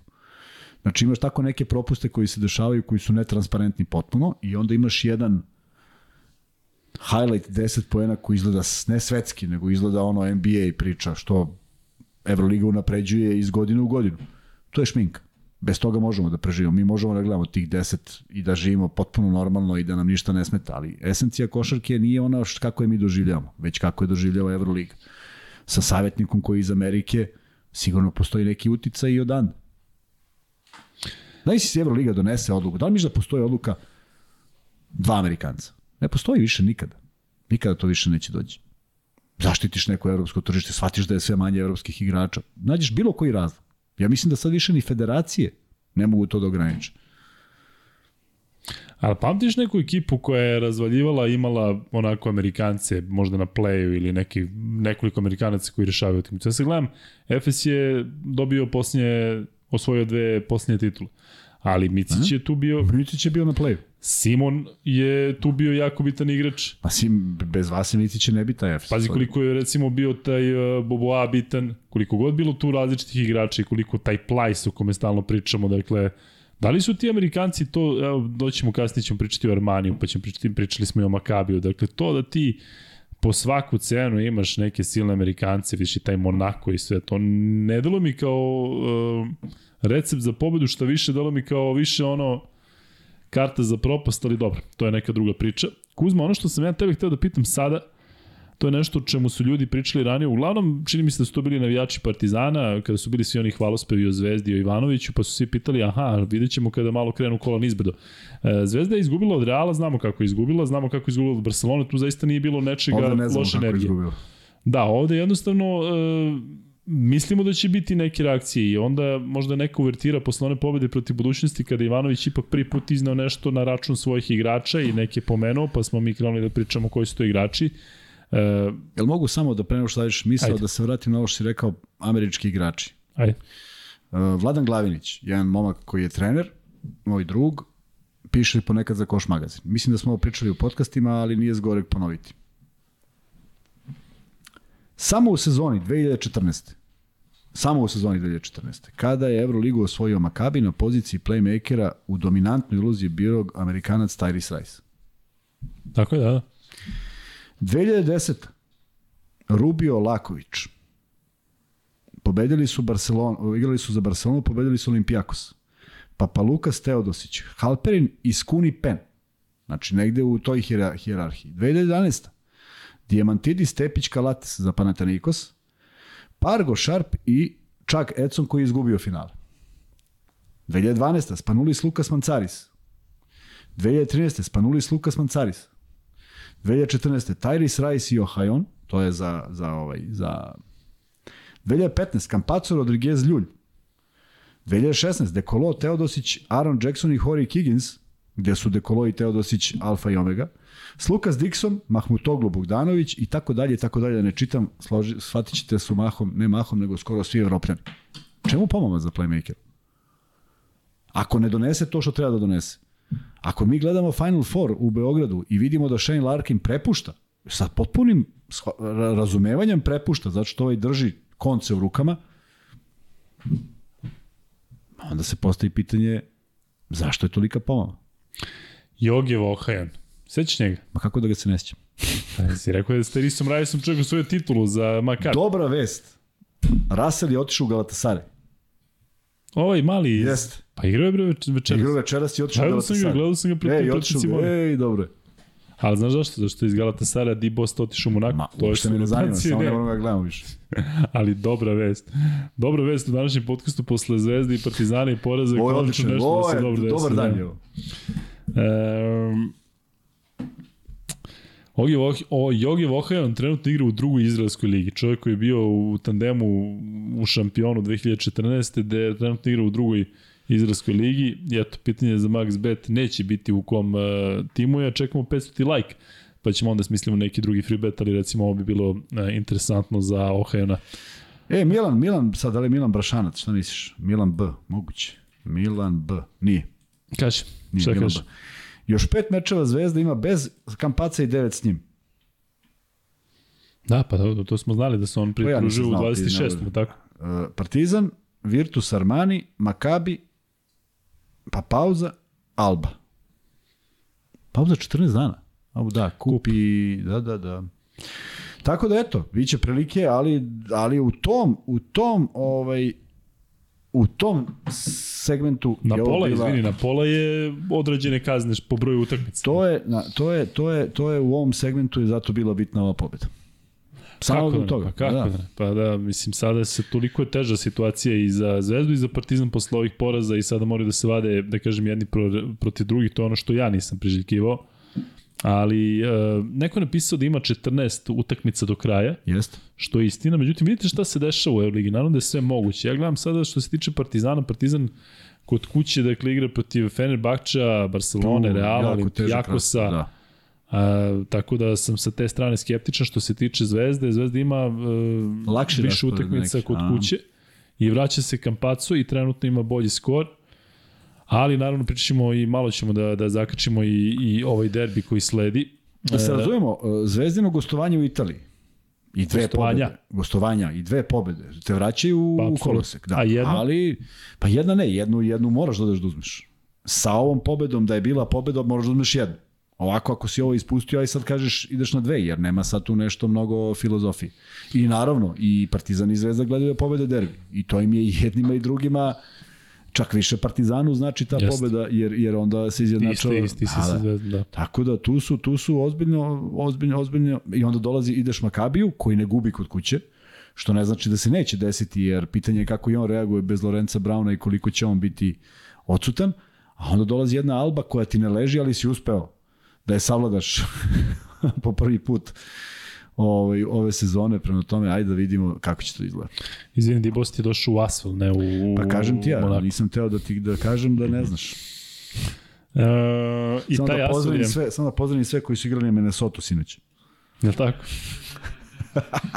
Ali kako su preokrenuli, to je prosto nevjerojatno. Pa Ja mislim nije, da to je, činili. ovi su opustili malo, jesam ti rekao da će se opustiti? Znam ko mi predložio da, uh, kada smo, dali mi je drugar sa, sa sport kluba komentator Da Igor uložite Gaćiša. sve u minus na Minnesota. Ne, nego kada smo pričali o tome na početku kako da se zove podcast, da u, iskombinujemo naša dva imena, on je rekao što se ne zovete Kuzmanovski, rekao je sada kada se više neće, ali ovaj, eto, to je možda najbolja veza Kuzmanović i Spasovski. Ili Ludimir. Ludimir. Ludimir, Ludimir Kuzmanovski. Kuzanovski. Da, da. E, Kuzma, nećemo više pričati o ovom meču e, između Zvezde i Žalgirisa. kako znaš da nećemo? Pa, zato što je bol. Mogu misliti koliko je za tebe tek. Ali Darin priznaj da, da te baš slomilo. Priznaj. E, Jel, jel bi bilo drugačije na slavi da je Zvezda dobila? Pa kako je na slavi sam bio hit. Bice je pričao. da. Ne, da ti kažem jednu stvar. Uh, I bio je nam period koji sam gledao potpuno onako rasterećen. Znači, ti, ja gledam i tamo se nešto dešava i ja i kao da se ništa nije desilo. A onda sam upao u neku, u neku valjda, valjda, valjda, znaš, želiš da nešto se desi, onda ti se pojavi povratak Obradovića, pa Partizan kreće u nešto, pa ti sad želiš da, da, da, Aha, ti hoćeš da kažeš da si imao sezone ili periode kada si bio Da, ja, više gledam. tokom današnjeg meča ili ove Ne, sezone? ne, Ne, ne, ne, sezone, inače. gledam, da, inače, do, dobar niz. I dobar, ravnodušan Da, potpuno. bio onako gledam, ovi kao, u, ono, ta sad kad neki umiru od, od sreće, od, od bola, ja ovako, puk, i kao da se ništa nije desilo. Međutim, počelo me nervira zato što Zato što počnem, zato što smo počeli da radimo ovaj podcast. I onda, to je jedan od razloga. Ne, hoću ti kažem, počnem da razmišljam, počnem da razmišljam stvari koje me nerviraju, a ponavljaju se. A ja sam vrlo aler- alergičan na to i ponavljam, nema veze koliko ljudi cene moju karijeru i šta sam ja uradio. Ali za te trenere s kojima sam radio, ja sam bio ta neka desna ruka i pravio najmanje tih grešaka o kojima ja pričam. Nisam bio najbolji u mnogim stvarima, ali u tom segmentu mogu da se pobijem sa bilo kim. Da, da, da, fokusa na utakmici, šta, kako treba, koga čuvamo, kako čuvamo ili usmeravamo u levo, u desno, gde ga puštamo, gde ga ne puštamo. U ostalom, ovaj, bili su tu neki naši gosti koji kažu da nije bilo lako protiv mene, pa meni to super. Gosti koji Da, izuzetno tad se cenim, cveta, da. goste koji izuzetno cenim, koji su napravili fantastične karijere. Meni je žao što nikad nisam došao u tu mogućnost da na tom reprezentativnom nivou ovaj, ukrstim, ukrstim dva treninga s nekim od njih, da im kako to izgleda. Bilo je inspirativno kad igraš protiv Bodiroge, bilo je inspirativno kad igraš protiv uh, Đorđevića. Nisam nikad, neverovatno, nikad se nismo ukrstili sa Knorom ili sa, sa Dinulovićem. Što bi takođe Da, bio ste jedan... tu godinu dana gore dole, tako? Nismo gore dole, samo nismo igrali u istoj Ne, grupi. nego... E, Ne, pogodiš- 70 da, ja 71. Pa to da. Ali igrali u tom periodu u Evropi, tako da, Da, da prosto nismo naleteli na njega. Na mahom ove velike igrače i hrvatske i domaće i sve. Bilo interesantno. Agape, hvala na lepim rečima. Gledajte Agape i gledajte, dakle, one stare Agape emisije, pored Luka i Kuzma, naravno. A posle, posle E, naš. Da, Oko tako četiri, da... oko četiri danas pogledajte Agape. Da, ja, ja da se nešto pitam i gde i kada, ja bih stavio da gospodin Gajšek bude ministar ministar e, Rada i zapošljavanja. Pa ne. Ali jedan od ministara i e, recimo onaj drugi gospodin Dikić, da budu da njih dvojice kombinuju i da im se kaže "E, sad morate ovako. Bili bi to zanimljivi programi kada bi oni bili na čelu recimo neke, ali dobro, to je neka druga priča, da, da, da sada ne šijemo. Elem, Kuzma, što se tiče Zvezde, e, hoćeš prvo da pričamo o CDViti ili hoćeš da prođemo ove meče? Ajde da prođemo ove meče Euroligi što su bili danas. Dakle, Zvezda treba da uskoro igra protiv Armanija, Armani se raspada, dakle, danas su izgubili od Asvela, ono je neprijatno sad već, ne, ne, ne mogu da se gledaju njihove utakmice, njihove završnice, 73-79, Izgubili ponovo. izgubili od Asvela na svom terenu. Kuzma, ti ne možeš da veruješ šta se dešava. Ja Dakle, bojim se samo Beron da ne Johna, ono, onog pa da, četvrtka pa to, tamo. to Zvezdi ne ide u smislu, znamo da isto tako bilo i ranije. Johna Matthews je košarkaš koji je igrao prvi, eto, prvi free bet, nismo došli do, do, do petog, do 500 lajka, ali prvi free bet je za koji tim je igrao Johna Matthews kada je došao u Evropu sa USC-a. Dakle, ko napiše e, prvi free bet, ko napiše tačan odgovor, dobit će prvi free bet zato što je njegova, njegova ta karijera u Evropi koja je kratka je prosto neverovatna. Tako da ćemo da, da podelimo evo free bet iako nismo došli do 500 lajka. A eto, drugi ćemo da podelimo na 500 lajku. Znam da ste vi malo posle poraza zvezde da niste baš e, raspoloženi i da ima inače manje ljudi u, u live-u. E, Shopping Stars, to jest uh, Shopping Stars, Savo, šalješ na uh, lukekuzma.gmail.com E, dakle, Johna Matthews je odigrao prvu sezonu u Švedskoj u timu koji nije postoje kad sam ja bio, ja mislim da je osnovan kasnije. E, pa je onda odigrao sjajnu sezonu u Anvilu i evo ga sada glavni napadač e, Asvela, dakle, legitimno svaka lopta bitna ide njemu, imao i neke greške, ali je odigrao dobro. I taj Asvel dođe i razvali Armani koji je sa onakvim igračima sad više nema kao povređeni su. Zaista ne zna čovjek šta da misli, ja sam siguran da se ono neće podići i da neće biti vremena da se, e, da se vrati, da se priključi borbi u top 8, trenutno su posljednji na tabeli. Tako da Kuzma, imaš nešto da prokomentarišeš uh, Nemam tog Armani čoveka. Asvel? Ne. Ne Već čoveka, sam, već sam šokiran da je ovaj da je uopšte Nisi znao? Nisam znao da su izgubili, da.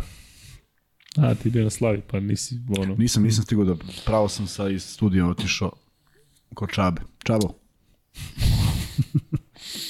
FS Bayern 81-89, neverovatno zaista kako je Bayern to preokrenuo. E, Inače, tradicionalno u posljednjih nekoliko godina e, prenosio sam taj meč pa sam i video. Dakle, Bayern je dobio od posljednjih šest utakmica protiv FS-a pet.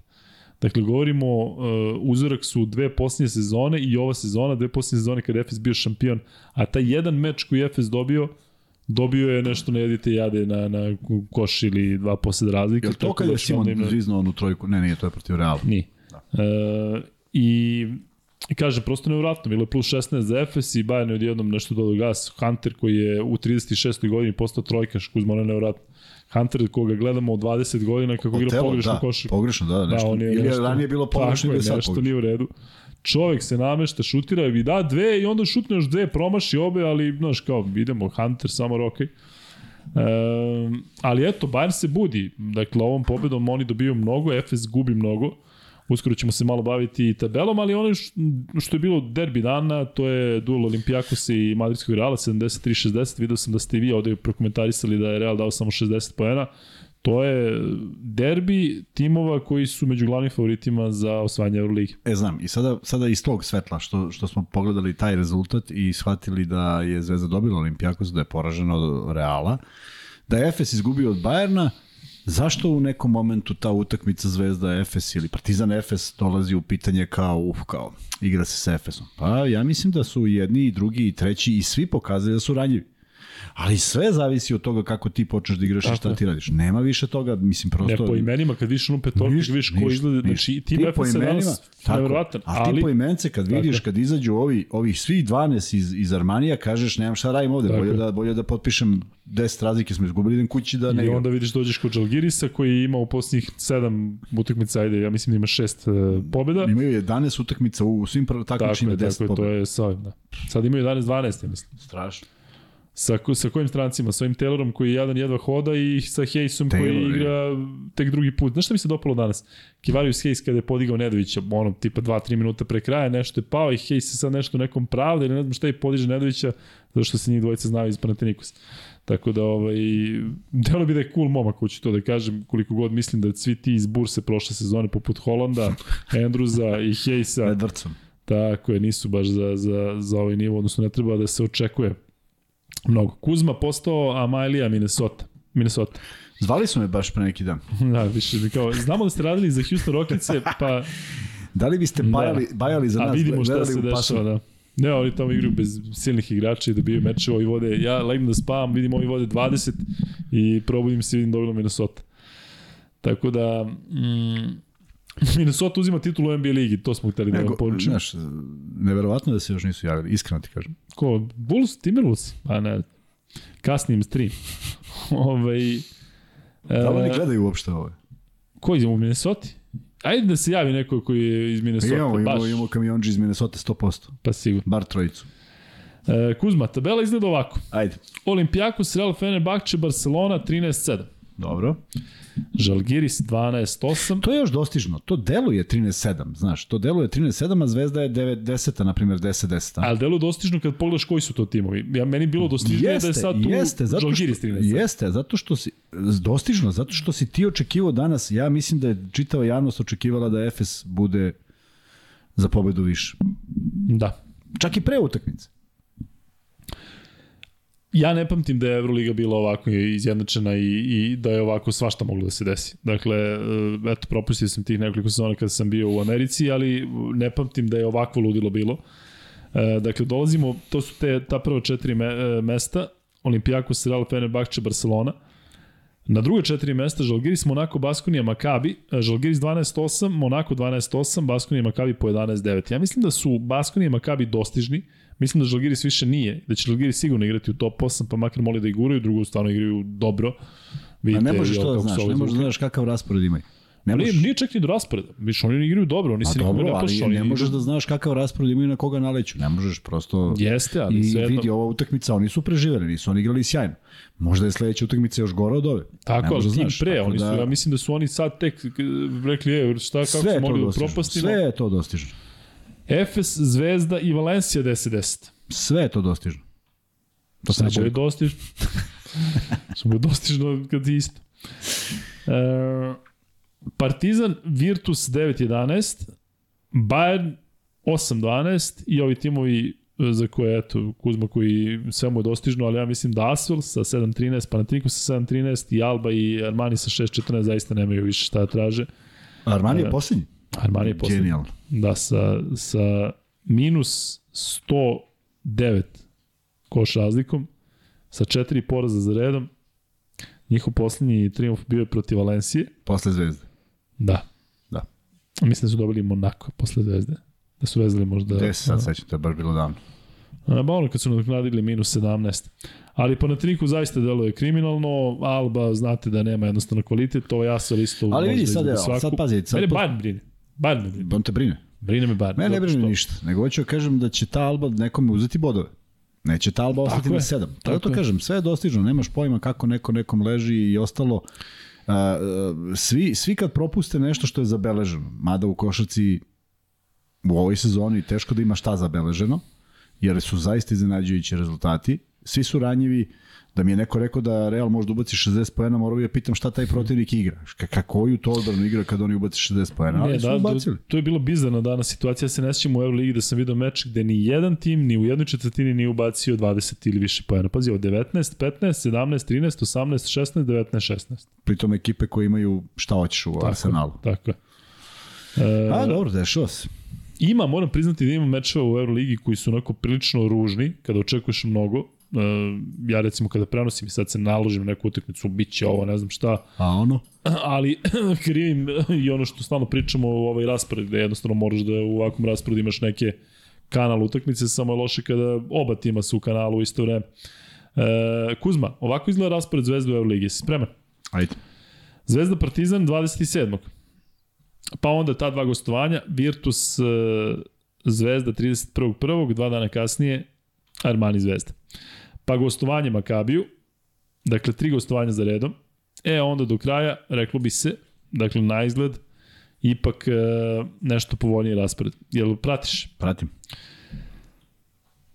Zvezda Alba 24. februara, posle one pauze. I onda Kampaco ulazi. I onda Kampaco ulazi proti Bajerna. na strani. Devet utakmica ostaje. Slušaj dalje, samo slušaj ovo. E, Najbitniji su ovih pet, što je sad spomenuo. Zato što tu, se već, tu, tu će se već odrediti neki, neki dalje. Pet. Ako Zvezda iđe sa tri pobede, ako iđe sa tri pobede, bilo koje tri pobede, imaće 13-12. U devet utakmica može da se napravi nešto do, Kampacom nešto posebno, do da. 19. Do 19. Može. Jel, iz ovog sada ugla koliko misliš da će biti dovoljno pobjede? To stalno pitaju. 19-20. Ne 18. Ne 18. Da. No, ne 18. Pitali su neki da li 17, 17 ne sigurno. ne, 17 smo konstatovali da je neki, da. neki minimum da ne razmišljaš, dakle da pobediš pola 50%. Što će reći da će biti preko 50% kako se stvari sad odvijaju i kako gledamo rezultate koji su vrlo iznenađujući u suštini. Nema onih ekipa koje se odvajaju, negde ti je to možda i bilo ovaj, kao prednost, na primjer imaš tri ekipe koje odu na od koliko 34 utakmice odu na 25, pa na primjer 25-9, međutim sad će teško ko dolaziti tek tako, pitanje je da li neko juri 25-9, tako da možda bude veća ujednačenost, što šta tim povećava procenat za to osmo mesto. I ja se vraćam na nešto što ne znam kako bi moglo da bude izmenjeno, ali upravo je Mesina, bez obzira što je on u pravu kad je posljednji na tabeli pa iznese neke probleme, a do tada ne baš tako često, ali upravo je vrlo čudan sistem takmičenja za 18 ekipa. Mi faktički uh, gledamo, gledamo ovaj, uh, 18 ekipa koje se, koje se nadaju plasmanu u 8. Znači nije ni 50%. Da, a to još se kad priča hoće da prošire, sezone. a još kad hoće da prošire na 20, to je još manji procenat. Na 24. Pa da. Šta je manje? Šta je 24? Hoćemo Pa 24? da, ako misliš A, na proširenje 12-12. Ne, ne, ovo što je bilo kao 20, gde su kao Aha. viđeni London i ne znam ko još. Ali te od 24 onda bi imalo smisla ako bi se oni ukrštali nekako. Ne, ne znam, vidjet ćemo. Da, fali nam još 20 lajkova do drugog free beta, tako da izudarite to pa da e, raspravimo drugi free bet. Samo da se vratim na raspored Zvezde. Dakle, e, Zvezda posle Bajerna, kada se Kampaca vraća 2. marta, e, dočekuje Efes 8. Pa onda gostuje Panathinaikos u 10. Ovde piše Partizan Zvezda, ABA Liga 10. Panathinaikos 10. Nema šanse da bude jedno i drugo isto vreme, ali dobro. Ovo je neki loš raspored, ali e, što se tiče e, redosled utakmice sigurno je tako. I onda Kuzma ima gostovanje Barceloni, pa dočekuje Baskoniju, pa kod kuće e, protiv još jednog španskog tima, protiv Valencije, i onda e, gostovanje Asvelu, Olimpijakos kod kuće i za kraj e, poslednji duel koji vrlo lako može da bude odlučujući, Zvezda protiv Fenerbahče. A znamo da je protiv Fenerbahče ostalen jedan od onih najlegendarnijih mečeva i najlegendarnijih pobjeda 13. aprila. Dakle, danas 21. januar. E, vidjet ćemo, vidjet ćemo kako to izgleda, što kaže Kuzma u narednih pet mečeva, gde mora da se pobede tri i onda kup, pa ta mala pauza. Zvezda ako izađe sa 3 i ajde da kažemo, ajde da kažemo da, da neko iznad Zvezde koji ima sada 11-9, je li tako? Da. Izađe sa isto 3 u 5. Znači, to je to je tu. Ili će neko možda imati dva, tri. Uh, ajde da pomerimo sve za tri. Teoretski nije moguće, ali da pomeriš skoro sve ekipe tu gore za tri, one su onda dostižne. Nemo, teško koga vidim sa 5-0. Nije, nije se još desilo. Ovaj, tako da ta, taj odnos 3-2 je neki, neki produžetak šansi, jer ostaje još dosta utakmica. Sve ispod toga može uz neki neverovatan rasplet, uz neko dizanje Panatanikosa koji pobeđuje neke utakmice u seriji, ali mi prosto ne deluju kao ekipa koja možda pobeđuje u seriji. I sada, sa ovog aspekta, Zvezdine i Partizanove utakmice protiv Albe, koga si još brojao pozadi? Albe, Armanija i Panatanikosa i ima još jedna ekipa Da, su ne smiju da budu izgubljene. Ako hoćeš da ideš gore. tako je.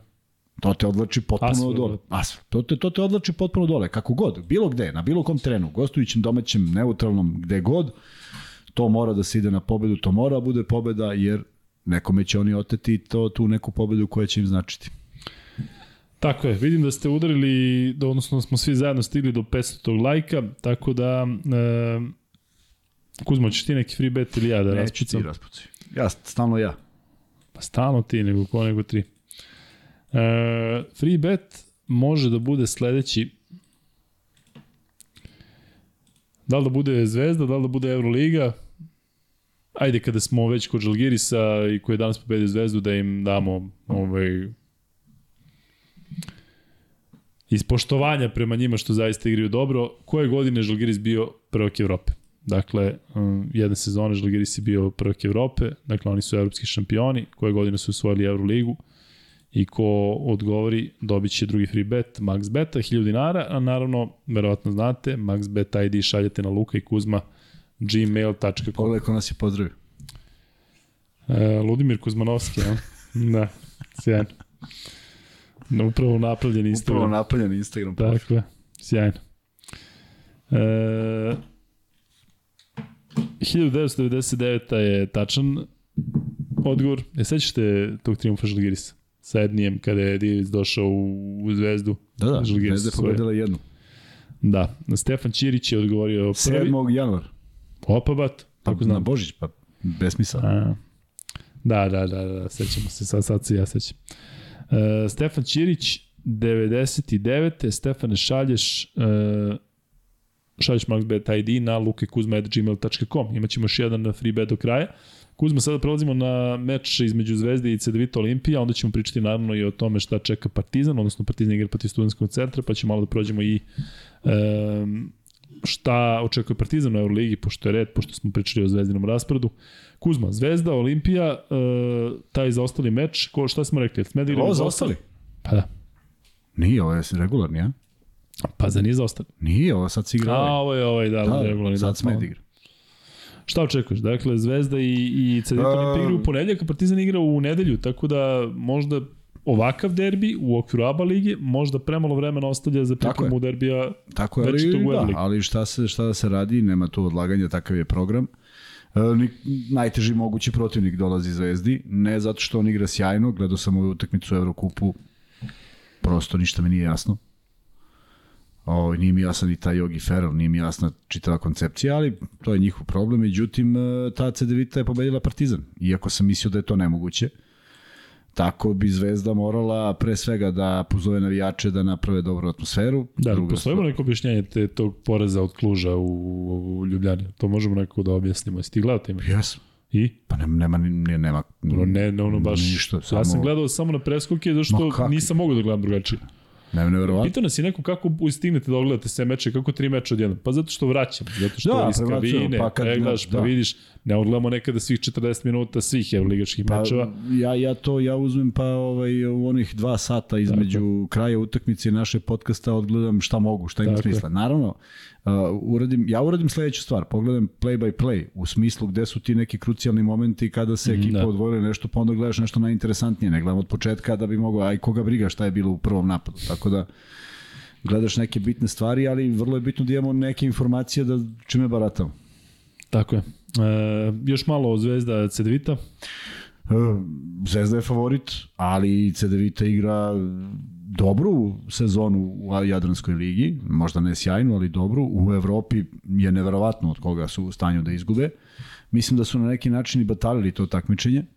Tako da će sav fokus samim tim biti okrenut, jer ja ne mogu da... Jel možda i otvoriš Evrokup? Mogu naravno, šta ti treba? Pa i sad pogledaj koliko, da li imaju uopšte šanse da dođu od tog nekog e, osmog Pa imaju šanse zato što teoretski imaju šanse, naravno. Iako su trenutno još su poslednji sa samo dve pobede. A ovaj Ali- osmi ima četiri ili pet. Mm, dakle, odigrano je 11 mečeva u Evrokupu, a treba da se odigra 18. CDVita Olimpija trenutno ima skor 2-9, a Kluž koji ih je dobio ima 4-7 i nalazi se na 8. mestu. Letkabelis Nenada Čanka je Pet. trenutno isto na 4-7. Na 4-7 i oni. Da, pa, dakle, bit će oni, da. oni imaju dve pobede Da. manje od 8. i, I, 9. I trenutno da su osmi išli bi na Juventud, ko je tu prvi? Burg. Uh, Burg je prvi, ne, tu ima svašta da se desi. Juventud i Prometi imaju 7-4. A Burg ima 9. Da li oni igraju protiv e, jednih i drugih, drugih. iz druge grupe? A, ukrštaju, da, Pa, da, da, ja mislim ukrštaju da da. sa, sa ovim, Trebalo bi da, Gran tako. Canaria Da, Gran Canaria P, još da. gore, da, još ovo bi možda bilo i lakše. Vidi, ne znam koliko će oni imati istrajati u svemu tome, mada sad se svi uznaju. Izvini, je moguće da im je uh, akcenat, da im je fokus na ligi? Pa Da igraju moguće. mnogo bolje. Pa moguće, Prošle sezone su dali sve od sebe Ej, i pukli od burse u moguće, jednom je, meču. a igra se jedna utakmica. Ovamo. Da. Pa zato. Šta ima Ajde, tu nešto? dođemo do osmog, Ako dođemo dođemo. do osmog, pa ćemo se cepamo s nekim. je. E, svakako, uskoro će postati ili neće. Vrlo će brzo znati, jer to, te utakmice idu takođe brzo. Ali ovaj, veliki, velika stvar za CDVita Olimpiju bi u ovoj sezoni bila pobeda nad Zvezdom, pošto su već pobedili Partizan. Tako da, mm, ni malo laka utakmica u, u, u- jednom momentu koji e, sad Zvezdi ne odgovara, ne odgovara, a opet s druge strane ima jednog igrača koji je prilično rasterećen i ne mogu, ne mogu baš ni dovoljno da ga skautiraju, mogu na osnovu dve utakmice nisu igrali protiv njega, pa eto to će možda biti neka prednost gde apsolutno opet vidim 30 minuta kampaca u odnosu na sve Tako, ostale. ja mislim da sa Kampacom CDVita apsolutno nema nikakvu šansu. Moguće, moguće, sve I to bez što Kampaca kažeš. mislim da bi bilo Jeste. 5% šanse ovako sa Kampacom koji će da izađe i da, da grize. Jedino što potencijalno može da bude problem, to je zaista sada ako je ekipa pala, da li može da se podigne, zato što je ovo Da. prvi pravi pad od kada Ivanović Jeste, došao. jeste, jeste. Ovo je, ovo je utakmica koja morala bude pobeđena da. po svim parametrima i to će mo, može da se odrazi, ne mora da se odrazi. Opet sad zavisi od Ivanovića koji je napravio jedan fantastičan, fantastičnu seriju i ti kad pogledaš odnos pobeda i poraza, to sve lepo izgleda. Da ne dozvoli jednostavno tako nešto. Uh, mislim da ima dobru komunikaciju sa svim igračima, naravno da će biti padova forme, nekad kod nekoga traje duže, nekoga traje kraće, ali mora da vrlo brzo vrati taj neki ritam koji je dozvolio, koji je pomogao Zvezdi da pobedi sve te utakmice koje su pobedili. E, da, dok, dok smo još kod ABA lige, dakle danas je FNP pobedio Split na strani u utakmici na veliki broj poena, u prvom poluvremenu je Split vodio sve vreme pa je FNP došao do egala i onda drugo poluvreme zilijon poena i na kraju pobeda FNP-a, a Mornar Kuzmin sa Russellom je pobedio Cibonu, ali došlo do rastanka Kuzma, ti mislim da je to jedna To je dobra naj, stvar. najboljih vesti. To je dobra stvar. I pratit ću šta radi, i otišao- pratit ću šta radi u, u Galatasaraju. Pratit ćemo, što da nećemo. E, Kuzma, stižemo do Partizana. Partizan igra e, u nedelju, što je iz ovog sada ugla, pošto je dva noći sutra. Igra protiv studentskog centra, dakle igra protiv tima gde je... Šta? U Beogradu. Ne, u Podgorici, gde je Duško Ujošević jedan od ljudi koji se pitaju u klubu. Da li studentski centar ima šanse s obzirom na to da je to je, jeste zaista ekipa koja mm, po kvalitetu ne može da se poredi sa Partizanom, međutim e, studentski centar je ove sezone onako namučio neke ekipe, pa i Crvenu zvezdu. Pa učinit će sve. Highlight sezone je igrati protiv Partizana i Zvezde. Ne igraš svaki dan. Pokušat će da a, naprave neko veliko iznenađenje. Sve, to bi stvarno bilo iznenađenje. Izvini, prošle sezone Partizan je oba meča dobio tako što je lomio u zamoj završnici. Jeste, ali studentski centar je i meni i tebi prošle sezone Jeste, bio jeste, malo bio drugačiji, da. bio je vrlo interesantan, bez respekta su igrali, igrali su lepu košarku. E, mislim da su u nekim utakmicama da nisu smeli da kiksnu, kiksnuli, a da su te utakmice koje su bile protiv aj kudi kamo kvalitetnijih protivnika odigrali vrlo onako bez, bez nekog respekta i pokazali neki talent. Sad je to drugačije, ne nalaze se na nekoj nalaze se, ne nalaze se na istoj poziciji kao i prošle godine i mislim da nemaju tu snagu, ali dovoljno, dovoljno voljni, željni da naprave neku pometnju. E, mislim da bi to bila velika stvar za studentski centar da savladaju a, Partizan u, u, u, u okviru ABA lige. Prema tome, a, da li će Obradović sad kombinovati, da li sad pokušava, da li će on pokušati nekog da vrati u formu, jer ni na utakmici Partizanova i protiv Valencije nije sve to bilo sjajno. Ovaj treba videti jer e, neko mi je poslao poruku navijač Partizana, vrlo fina poruka, da sam ovaj rekao da je uh, Exum potrošio taj taj broj lopti, a da je i, i da je to bio u izuzetnom procentu. Hvala. Šta si stavio sa krupa kada daj na njega, ovo je, ovo je, ovo je Sad na mene, highlight. ne, ne sad na odvojicu, ne sad da highlight. prebaciš na luku. Da. Ne. Za, Meni kako zapanjeno gledam, da. ovaj, koji je šutirao 60%. Međutim, ja sam računao i onih 5 slobodnih, 10 slobodnih bacanja, što će reći da je to još 5, to je 15 lopti. I naravno da ne mogu da poredim sa Nedovićevim procentom od večeras koji je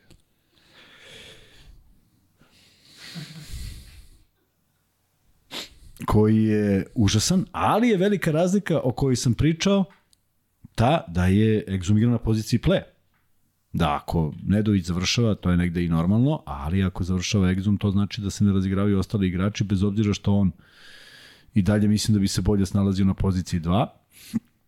Samo sam to teo da kažem da je ovaj razlika u pozicijama, a ne u potrošnji lopte, jer ovaj svaka svaki egzumov to je kao kad bi Marković uzeo 15 šut, ne mogu kažem kao Marković, nego hoću Ne, kažem pozicija nije- nije ne, ne, Marković. hoću kažem pozicija playmakera uzme Marković uzme 7 šuteva, to znači da neko nije uzeo, uzeo svoj šut, a on to ne radi, pa tako i egzum ako hoćeš razigranog Lideja, Ledeja ili Pantera mora da negde redukuje svoj broj poena. Samo u tom kontekstu, ne zato što je to bilo loše ili bilo šta, nego jednostavno neverovatno mi je da spoljna linija Partizana nema ni jednu asistenciju. Zaista, zaista iznenađen da. sam kad sam pročitao taj podatak.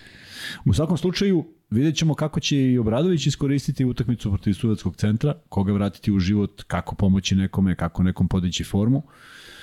E, dobra provera, jer je to u pitanju tim koji će izaći bez nešto mnogo respekta, jer prosto nemaju šta da izgube, mogu samo da dobiju neko iskustvo i da vide kako je to igrati na jednom višem nivou. Tako da ništa ne prepuštati slučaju, jer svaki, svaki taj kiks donosi ozbiljnu nervozu u redove i Zvezde i Partizana, svaki taj neplanirani kiks u okviru ABA ligi. E, Milan Đurović kaže pozdrav sa Bečkog aerodroma dok se čeka let za Podgoricu. Milane, evo pričamo baš o studentskom centru, pričamo o narednom meču. Volimo kada nam pošaljete te neke fotografije odakle gledate, odakle god da gledate. I to Kuzma se onako gleda da stavi na naš Instagram. E, ono što meni nije jasno, a mogo bi neko da mi razjasni ako već zna, pretpostavljam da, je, da ovo sada važi za vas koji ste dole u Crnoj Gori, meni je jasno kako studentski centar igra tako loše u ovoj e, Crnogorskoj ligi i da li tu forsiraju ove mlade igrače koliko od ovih, e, da li je to isti tim ili približno isti tim koji igra u ABA ligi, zato što je studentski centar dobio dva vezana meča protiv e, hrvatskih timova, protiv Cibona i Zadra, oba u produžetku, oba na veliki broj poena, međutim, koliko sam video, izgubili su od nekoliko timova, ja mislim da imaju četiri poraza od, od pet poslednjih mečeva u crnogorskom prvenstvu, gde su četvrti ili peti, e, gde je Sutiska prva, sad ću da vidim, jedinstvo drugo, ako se ne varam, ali pogledat ću. E, u svakom slučaju, ne znam, ne znam šta se dešava u, u, u, sa studentskim centrom u domaćoj ligi, Ali protiv što kaže Kuzma protiv Partizana će sigurno biti highlight sezone, tako da će dati sve od sebe. Partizan je, videli smo ranije, Partizan je sada uh, između tog poraza od Valencije i sigurno mislim, a da, su igrači da, da. sa Zvezdom, posebno sada kada uzmeš u obzir uh, da je Partizan onako dobio MZT, dakle da jednostavno nije bio meč, ono je delovalo kao, kao, kao polusprdnja, pa izgubiš u Valenciji, pa putuješ u Podgoricu, a čekate zvezdu u Euroligi. Dakle, ovo jeste šansa za studentski centar, da, da, da, pa naravno, pa ne naravno, bude problem. Tu...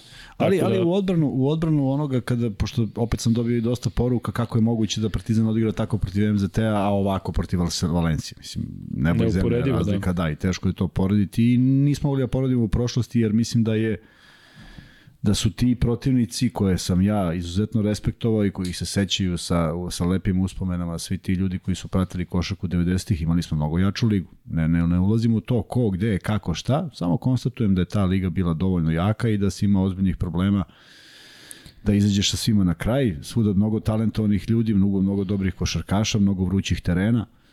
Prema tome, nije neobično zato što je sada kao nikada do sada razlika između bilo koja dva takmičenja. Ja verujem da je razlika između utakmice ne znam ko je posljednji u Španiji, ali Barcelona i taj posljednji tim i Barcelona i bilo kojoj ligi potpuno jednak kao i ovde u ABA ligi. Prosto da. to je neminovno. Ovako izgleda raspored Partizana u Euroligi. Dakle, Partizan e, narodni meč igra protiv Zvezde u Pioniru kao gost. Pa onda dočekuje Asvel, što mora da se dobije, i gostuje Žalgirisu, što će biti jako interesantno da vidimo kako će taj meč izgledati.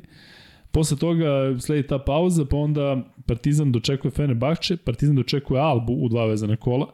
Dakle, prvo igra protiv uh, i Tudisa, dakle Obradović protiv Tudisa, Fenerbahče, znate da je Partizan pobedio na strani, a znate kako je startovao Partizan protiv Albe, tako da će to biti jako interesantno. I onda i Partizan ima Kuzma uh, kao i Zvezda, s tim što Partizan imao početkom marta uh, dva vezana gostovanja u Italiji. Virtusu pa Armaniju. Uh, zatim Partizan gostuje na dolu Efesu i posle toga uh, ga očekuješ meči protiv Olimpijakosa i Barcelone kod kuće. Dakle, to će biti zaista ako jedna utakmica izvuče od te dve, Partizan onda dočekuje Real Madrid. Pa dakle, pazi, tri puta za redom u Euroligi Partizan igra kod kuće, Olimpijakos, Barcelona, Real. I onda u uh, posljednja dva kola Partizan gostuje Monaku i dočekuje Panathinaikos. Uh, to je šteta što je ta utakmica koja bi Partizanu legla taj Panathinaikos koji je pobediv, pa zamisli da sad u nekom svom tom segmentu, u svom tom ludilu ti dobiješ dve takve utakmice da možeš da digneš i A zamisli da se rešava protiv Panathinaikosa da li će da ide u top 8, a Panathinaikos sigurno neće imati šansu I to, to može u, da. u, u areni pred 60.000 ljudi. 60 miliona. Tako je. E, Kuzma, sada ćemo malo da odgovorimo na pitanje, onda ćemo da samo izlistamo ko igra u NBA večeras. Ja mislim da je vreme da završavamo. E, imaju da radno pitanja. Da li imam ove, ove ne free betove, nego Fantasy. Aha, pričaj ti. Pa li imaš? Mislim da imam, sad ću da imam. Ajde, evo ja ću da odgovoram malo na pitanja, ali sad mi je pobeglo, naravno kako to obično ide, ja hoću da vidim i onda sve ide na pačke. Ali evo, Luka, da li se slažete da se Ivanović ne bi toliko nervirao za poraze da su se desili pre, zato što je vidio da ekipa sad može skoro sve da pobedi. Ja mislim da on čim je došao, da je bio svestan u kakvu ekipu dolazi i kakav potencijal ima, posebno kada su e, se i Nedović se u tom periodu kada je došao Ivanović potpuno oporavio povrede, Vildosa krenuo da, da igra fantastično, tako da ne mislim da je on sada iznenađen kako je ekipa, mislim da je od starta verovao da je ekipa može mnogo, da je zato i došao, ali mislim, e, to ne znam da li je dobro ili loše, e, plašim se, plašim se da Ivanović je ovaj poraz boli više od nekih igrača Crvene zvezde, što bi moglo da bude problem. E, I eto, čim je izgovorio to posle budućnosti, posle onakvog meča, nekako su se možda mogli da se naslute neki problemi. Ali vidjet ćemo. Ovde pitate za Moermana, dakle Moerman je raskinuo ugovor sa, sa odnosno Monako je raskinuo ugovor sa Moermanom, da li je to šansa za Crvenu zvezdu? Ja bih naravno volio da vidim Moermana umesto Bentila ili Holanda, ne, da čeka umesto bojice. Da i Bentil i Holland odu, a da samo Moerman stigne, do duše on je danas danas. On je ove sezone baš imao mm, uspone i padove u Monaku, što naravno i objašnjava zašto je zašto je dobio otkaz, ali e, to je onako, e, rekao bih, e, zanimljiva opcija. Eto, tako da kažem, posebno ako, ako znamo da Ivanović mnogo bolje funkcioniše sa, sa da kažem, takvim tipom košarkaša da ne produblja. Šta je kod me, imaš nešto da ne kažeš? Ne mogu da skinem, ne mogu da skinem slike, ne znam iz koga razloga. Pa je onda ima smisla da nešto... Uh... Pa čekaj, pokušavam da... Čekaj. Ako ne budeš uspeo, sačuvaj za ponedljak i malo produži segment, bit će i Euroliga i sve. Pa ne, ali onda se već menja, znaš. A šta tačno, pa ostaje Euroliga ista? Čekaj, evo, po, posle ti na mail da vidim da li možeš ti da skineš možda. Uh,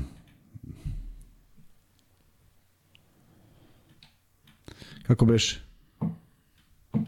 Infinity Lighthouse, Frki Mrkijama. Vanja Milić, evo ka. A, Vanja. Poslao sam ti na, na, na ovaj mediju. Pa probaj, ne znam, ne znam da li je nešto kod mene do, na, na telefonu. A, možda mi je nešto onaj storage malo otišao. Uh, šta smo pričali? Ja sam ovde nešto odgovarao na pitanje, a ti si tražio Olerman ne može da fantazije. potpiše sa Evroligaškim klubom jer je zatvoren prelazni rok između klubova iz Evrolige, kaže Ivan Pejić. Hvala Ivane. Eto, kraj priče. Kraj priče, a, a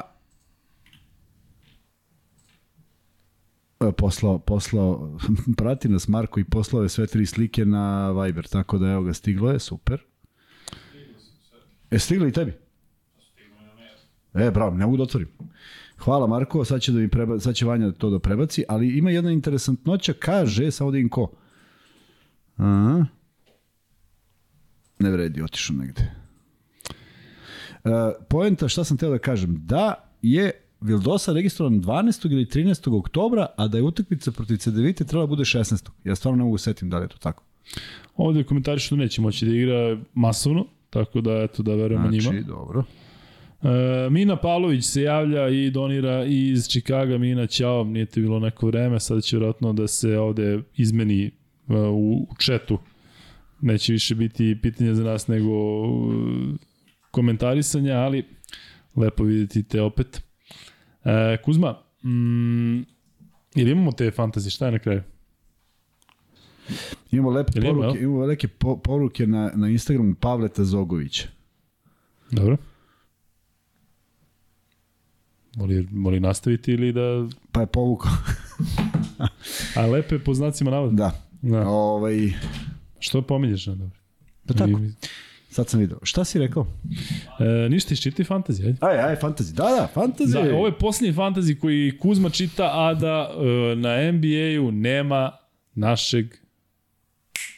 Šta ga nema, eno ga. A eno ga, to smo mi, već smo, To samo ćemo mi, praviti tako. novi Pa tim. si dobio poruku što sam ti ja poslao? Pa po, dobio sam poruku da sa igračima koje ćemo birati na polu. Pa da. Pa dobro, ali ovo je sada, znači napravljen Da. tim Luka i Kuzma, samo Jest. ćemo mi da sve nove igrače ubacimo, Jeste. ostaćemo vjerojatno Jokić.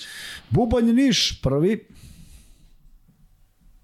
Zahvaljujući 293 boda u ovom kolu, Rock, povećao je prednost u odnosu na rock and roll, koji je zakazao nešto. Vidiš, nema ih u ovom kolu, ne znam, rock and roll, javite se da li je sve u redu. Kilian na trećem mestu i šesti sa 284 boda, pčelice četvrte, tu se ništa ne menja, jer su i pčelice nisu na listi za ovo kolo.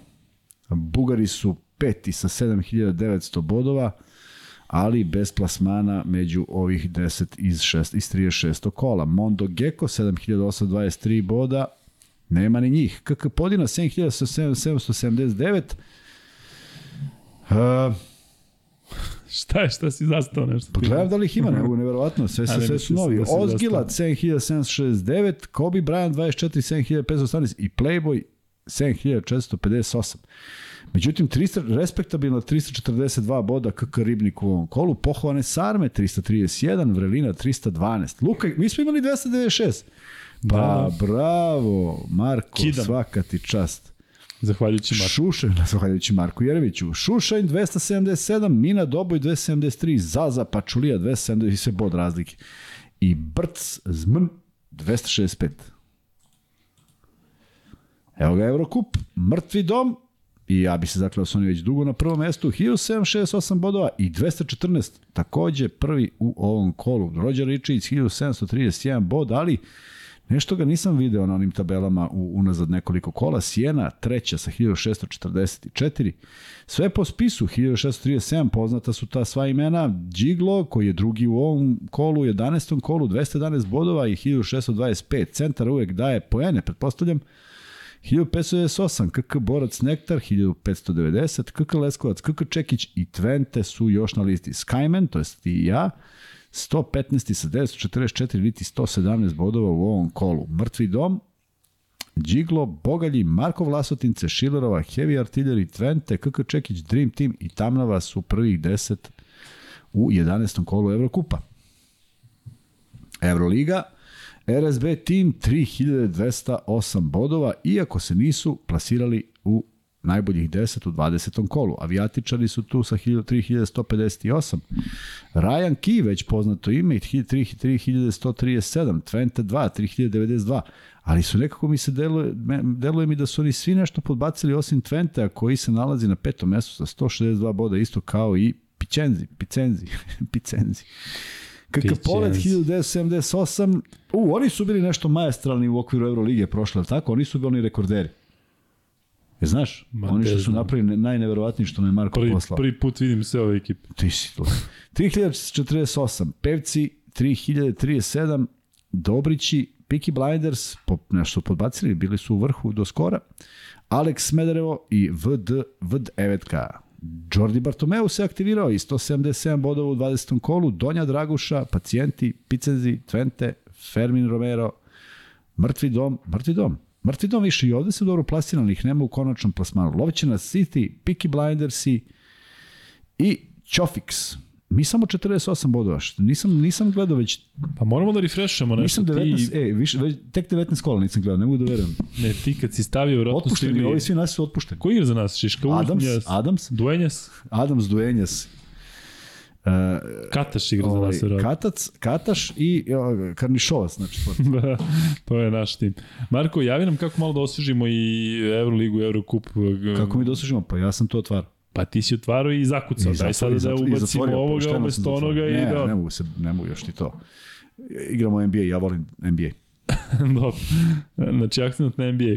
A, a, znači, Sav akcent ali mi, hoćeš da kažeš da si, da si samo Mi ti možeš to da batali, rešiš. mi smo da- batali ova takmičenja, guramo samo NBA. I sad u, uzimamo sve igrače iz Minnesota, tako da to će biti naš NBA Jok fantasy. nego koga, pa pobednički tim uzimamo. Kuzma, kako si stavio ovaj naslov Lovac na F4? Jesi dugo razmišljao, jesi ukrao Da, ili da, kako? pre Zašto dve, je to tri najbolji godine. naslov Pre dve, ikada? tri godine. Dok nisi znao da će biti podcast. Ne, shvatio sam da je se javio. F4 i onda šta je asocijacija na F4 i nema ništa od Žalgiris, nema ništa od Litvanci, nema ništa, ništa, ništa i onda potezi šaha. A čekaj, hoćeš da kažeš ljudima šta je kad smo se nalazili pre neki dan, e, kada si ti stigao prvi, a ja došao, šta sam te zatekao da radiš? Došao si prvi, je, zatekao si me. Da, šta si igrao? Šah. Šta? Da, Ličes. Ličes. Hvala, hvala Ličesu što će se setiti jednog dana što ih reklamiramo ovde. Hoće sigurno, pa mislim da sad već šalju ko Gavez već, Srbija. već da. algoritam već proče, Gavez i prepoznao, Ličes. prepoznao ovaj. Gavez u, pone, u nedelju se vidimo. Objavili su priču, sad sam je pro, prosledio, ali vidimo se u nedelju.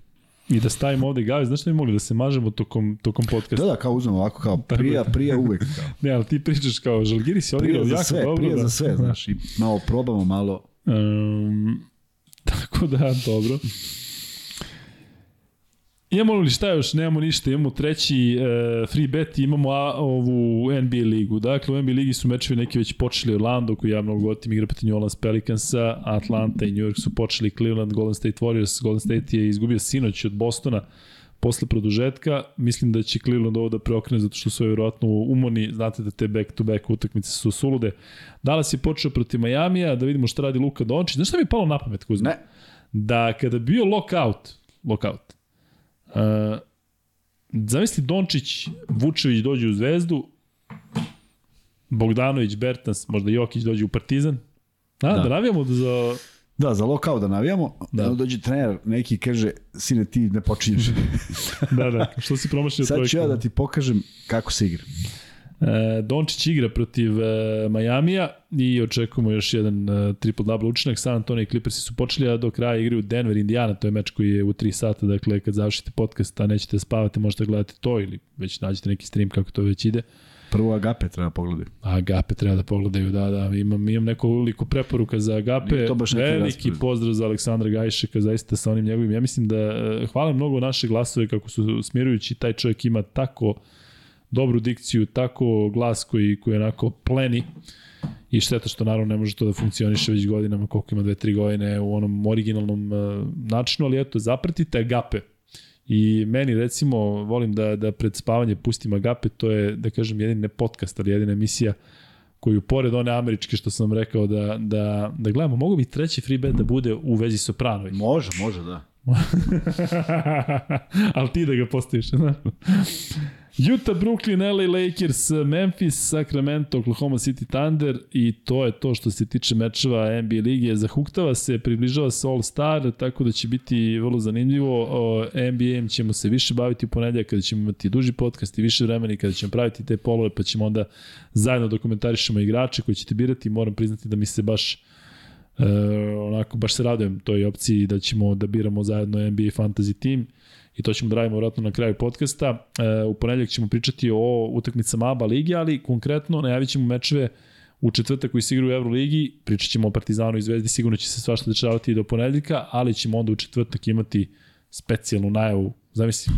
Ma zamišljam. A? Nevjerojatno. Ma ne mogu ni da zamislim. Znaš šta je bilo dobro? Bilo bi dobro da e, ja u četvrtak radim neki rani meč Euroligije i da onda počnemo u četvrtak u normalno, tako? Četvrtkom je i dalje slobodno, tako? Mi možemo počnemo u 21. Da pokušamo da dovedemo Miću. Pa ajde. Da Ajde, počnemo da... A, da ma, Danas je napunio 50 godina. Mića. Pola veka Miće. To jest juče. Eto vidiš, sad gotovo. Sad smo zakasnili. Čestitajte Mići. Ali preko prvi mu čestamo sledeći rođendan. Da. A hoćeš u ponedjeljak da vidimo da dovedemo nekog, ja? Ponedjeljak ne, ako možemo Miću za četvrtak. Pa dobro, Mića je u četvrtak sve. Pa koga ponedjeljak? E, Duško Ivanović. Ajde, može. Dogovor. Duško Ivanović u ponedeljak, Mića u četvrtak. Naćemo I, nekog šta, Duška ali Ivanovića. pazi, Duško Ivanović u polu, kao Duško Ivanović, da ga pitamo, kao šta mislite, koga da stavimo u NBA, NBA Fantasy? Da li Watanabe treba da, da, da, da izaberemo Watanabe? E, šta sam još teo? Teo sam e, treći free bet. Slušaj ovo pitanje. Ajde, pravom. Kako se u Sopranosima e, prezivaju prve komšije Sopranosa? Dopašće ti se ovo, znaš? Ajde, ja da čujem. Doktor, Ja ja jedan je doktor, Ne znači a druga ništa. je, nje- mislim, doktor i žena, a ta žena ima sestru bliznakinju. A, Aj, sad sve ovaj, kaže. I počinje im prezime na Dž. I oni, oni su ih spojili sa psihijatrom, sa doktorkom Melfi, a prezivaju se kako? Ko dobije, odnosno ko prvi odgovori, e, dobit će treći free bet. Ušli smo u treći sat, to mi je bio cilj, tako da ovaj free bet stavimo i Tako da ovaj free bet se, da. Simke, znaš kako se prezivaju? Kuzamano. Stvarno? Mame mi moje. A znaš kako ga zove? Kuz. Kuz. Moram da gledam. Znam Sad moram ovo, gledam kako ovo seriju. nije ranije bio prived? Pa naravno da treba. Idem, idem i ja da gledam nešto. Mr. Ruđeris, nije Agape, pa, mi, pa Minnesota, pa, pa Sopranos. Ali samo gledaš kada su Kuzamanovi tu, to je jedno 6-7 Samo reci ko epizoda. je, samo da. reci ko je i to ću gledati. ću ti, posle ću ti, ko što Obavezno. Marko Jeremić pošalje ovo, ovo. Ne, sad ću, ne, da, da, tokom Da, podcasta. nećemo, u kolima ću. Kuzma, to je to što se tiče ovog podcasta, da li imaš nešto da kažemo? Nemam ništa da kažem, osim da ovaj, stvarno mi je žao što je ova nedelja bila ovakva. Nije tako izgledalo u, pre samo sedam dana. Delovalo da će Zvezda i Partizan napraviti dobre rezultate, šta je tu je. Uh, Evroliga ide dalje, iznenađujući rezultati. Mi zaista onako željno očekujemo da i u taj petak pričamo isključivo u utakmici. Ja uvek navijam za to i da nema nekih drugih stvari koje... Ti kažem ja nema šans. Pa ja ću pričati samo o utakmici. Ja, Ja ću namrno postavljam Ti pitanje ovog. namerno Znači, kontra, šta je da. rekao danas ovog za ovog? Kuzma odgovori. E, I šta mislim ja o tome. Tako je. A, a umeđu vremenu će biti to što se nadamo da ćemo uspeti baš pred, pred derbi sa tim nekim proizvodima koji će sada krenuti u neku zbiljniju proizvodnju i da vidite šta imamo sve na ovoj, šta ćemo sve da napravimo. Mislim da su i cene pristojne da su vrlo interesantne ove stvari, tako da o tome malo više i kroz neki Instagram ćemo objaviti kako to sve izgleda, da vidite sličice šta će sve biti u ponudi, pa se nadam da će biti zanimljivo jer to je neki korak koji nam se čini vrlo interesantnim. Da, da, taj način približavanja nam se baš dopada. Jeste, iz da. prostog razloga što evo ja sam danas Topu, našem drugaru Topu, odneo termos i rokovnik koji on poručio i on je uplatio valjda neki novac za pomoć stradalima ili već za koga god. U svakom slučaju sve, sve su to stvari koje smo pokla, poklanjali i onako mi je interesantno jer lako se organizujemo, naročito za momke i za ljude iz Beograda, ali ima i nekih kojima sleduje slanje, zaista se izvinjam, nisam stigo, mislim da ću sutra otići u poštu da pošaljem dva adresa, E, tako da eto, te stvari se dešavaju, ljudi vole i mislim da će biti kvalitetne stvari. Da, će neki ste već videli ovde, Da, ali tako? biće, biće dukseva, biće pola majica, e, biće različitih predmeta od cegera do notesa, olovaka, upaljača, privezaka, bočica, termosa, Jakne si zaboravio od garderobe. E, obične majice nećemo jer imamo još uvek one koje smo napravili. Ali će biti majica. Majice će možete majice. kupiti. Dresove, dresovi, dresovi da vam kažem, ovi dresovi koje smo, koje smo ima belih i crvenih, nažalost to su dve jedine boje, mi smo hteli da budemo što šareniji, Ovaj, ali ima te dve i one su ograničenog roka trajanja. ograničenog roka Da, trajanja. posle šest meseci možete ih baciti. Ne, ima ih samo na lageru i neće više stizati. Tako da to ko bude poručivo te dresove koji su za košarku, a uh, ono, ono što nam govore i što smo pre, videli kad smo ih nosili, da su prilično kvalitetno urađeni i da su dobrog Ti ih materijala. nosiš ovde, nosio si ih Ja sam ih nosio, preko, da, to je onaj crveni dres koji sam nosio preko Ja majice. sam jednom da nosio, da. Tako da ovaj, se nadam da će to biti dobra stvar i da će onako neka ta priča Luka i Kuzma zajedno s vama, s obzirom da provodite s nama mnogo vremena tokom nedelje, zaživeti još u nekom onako lepšem obliku i da da nešto što se dešava svaki dan, da nas neko presretne mahne, možda ćemo eto imati tako neke stvari da poklonimo i na, i na ulici, a nama je onako to zadovoljstvo. da nosimo da, ranac sa sobom i kad neko dođe i kaže ja, samo fu. bacaj, da, iz kola. Da, ali lepa priča svakako i, i, i nadam se da ćete podržati i da će vama biti interesantno jer nekako ta, ta ajde da kažem grupa ljudi koja prati ovaj podcast i koji su često i pišu i, i komentarišu neko možemo budemo prepoznatljivi i da svima bude simpatično, tako da to je, to je ideja. I jedna od najdužih odjeva u istoriji podcasta A Luka nisam i još Kuzma. završio, to sam samo, sad sam proguto. Znaš. Posebno kad je reč o ovima u 2.20. Ja volim, ja krenem Da. negde oko dva, vidim da ti se spava, ali... Ne, ne, nevjerojatno Ne je kako. Žalgiris te je potpuno spustio i kod Čave si uzeo ko zna šta je i Čabu, kijao si. Čaba. Čabe i onda si pročitao fantazi i to te odjednom, podiglo pa i sad Ne, krenuo. malo sam razočaran što ne igra Minnesota, taman sam mislio kako da provedem ostatak večeri. Pa sad znamo da ćeš gledati Sopranos, tako Prvo da to Agape. smo rešili. Da mi javiš koja epizoda.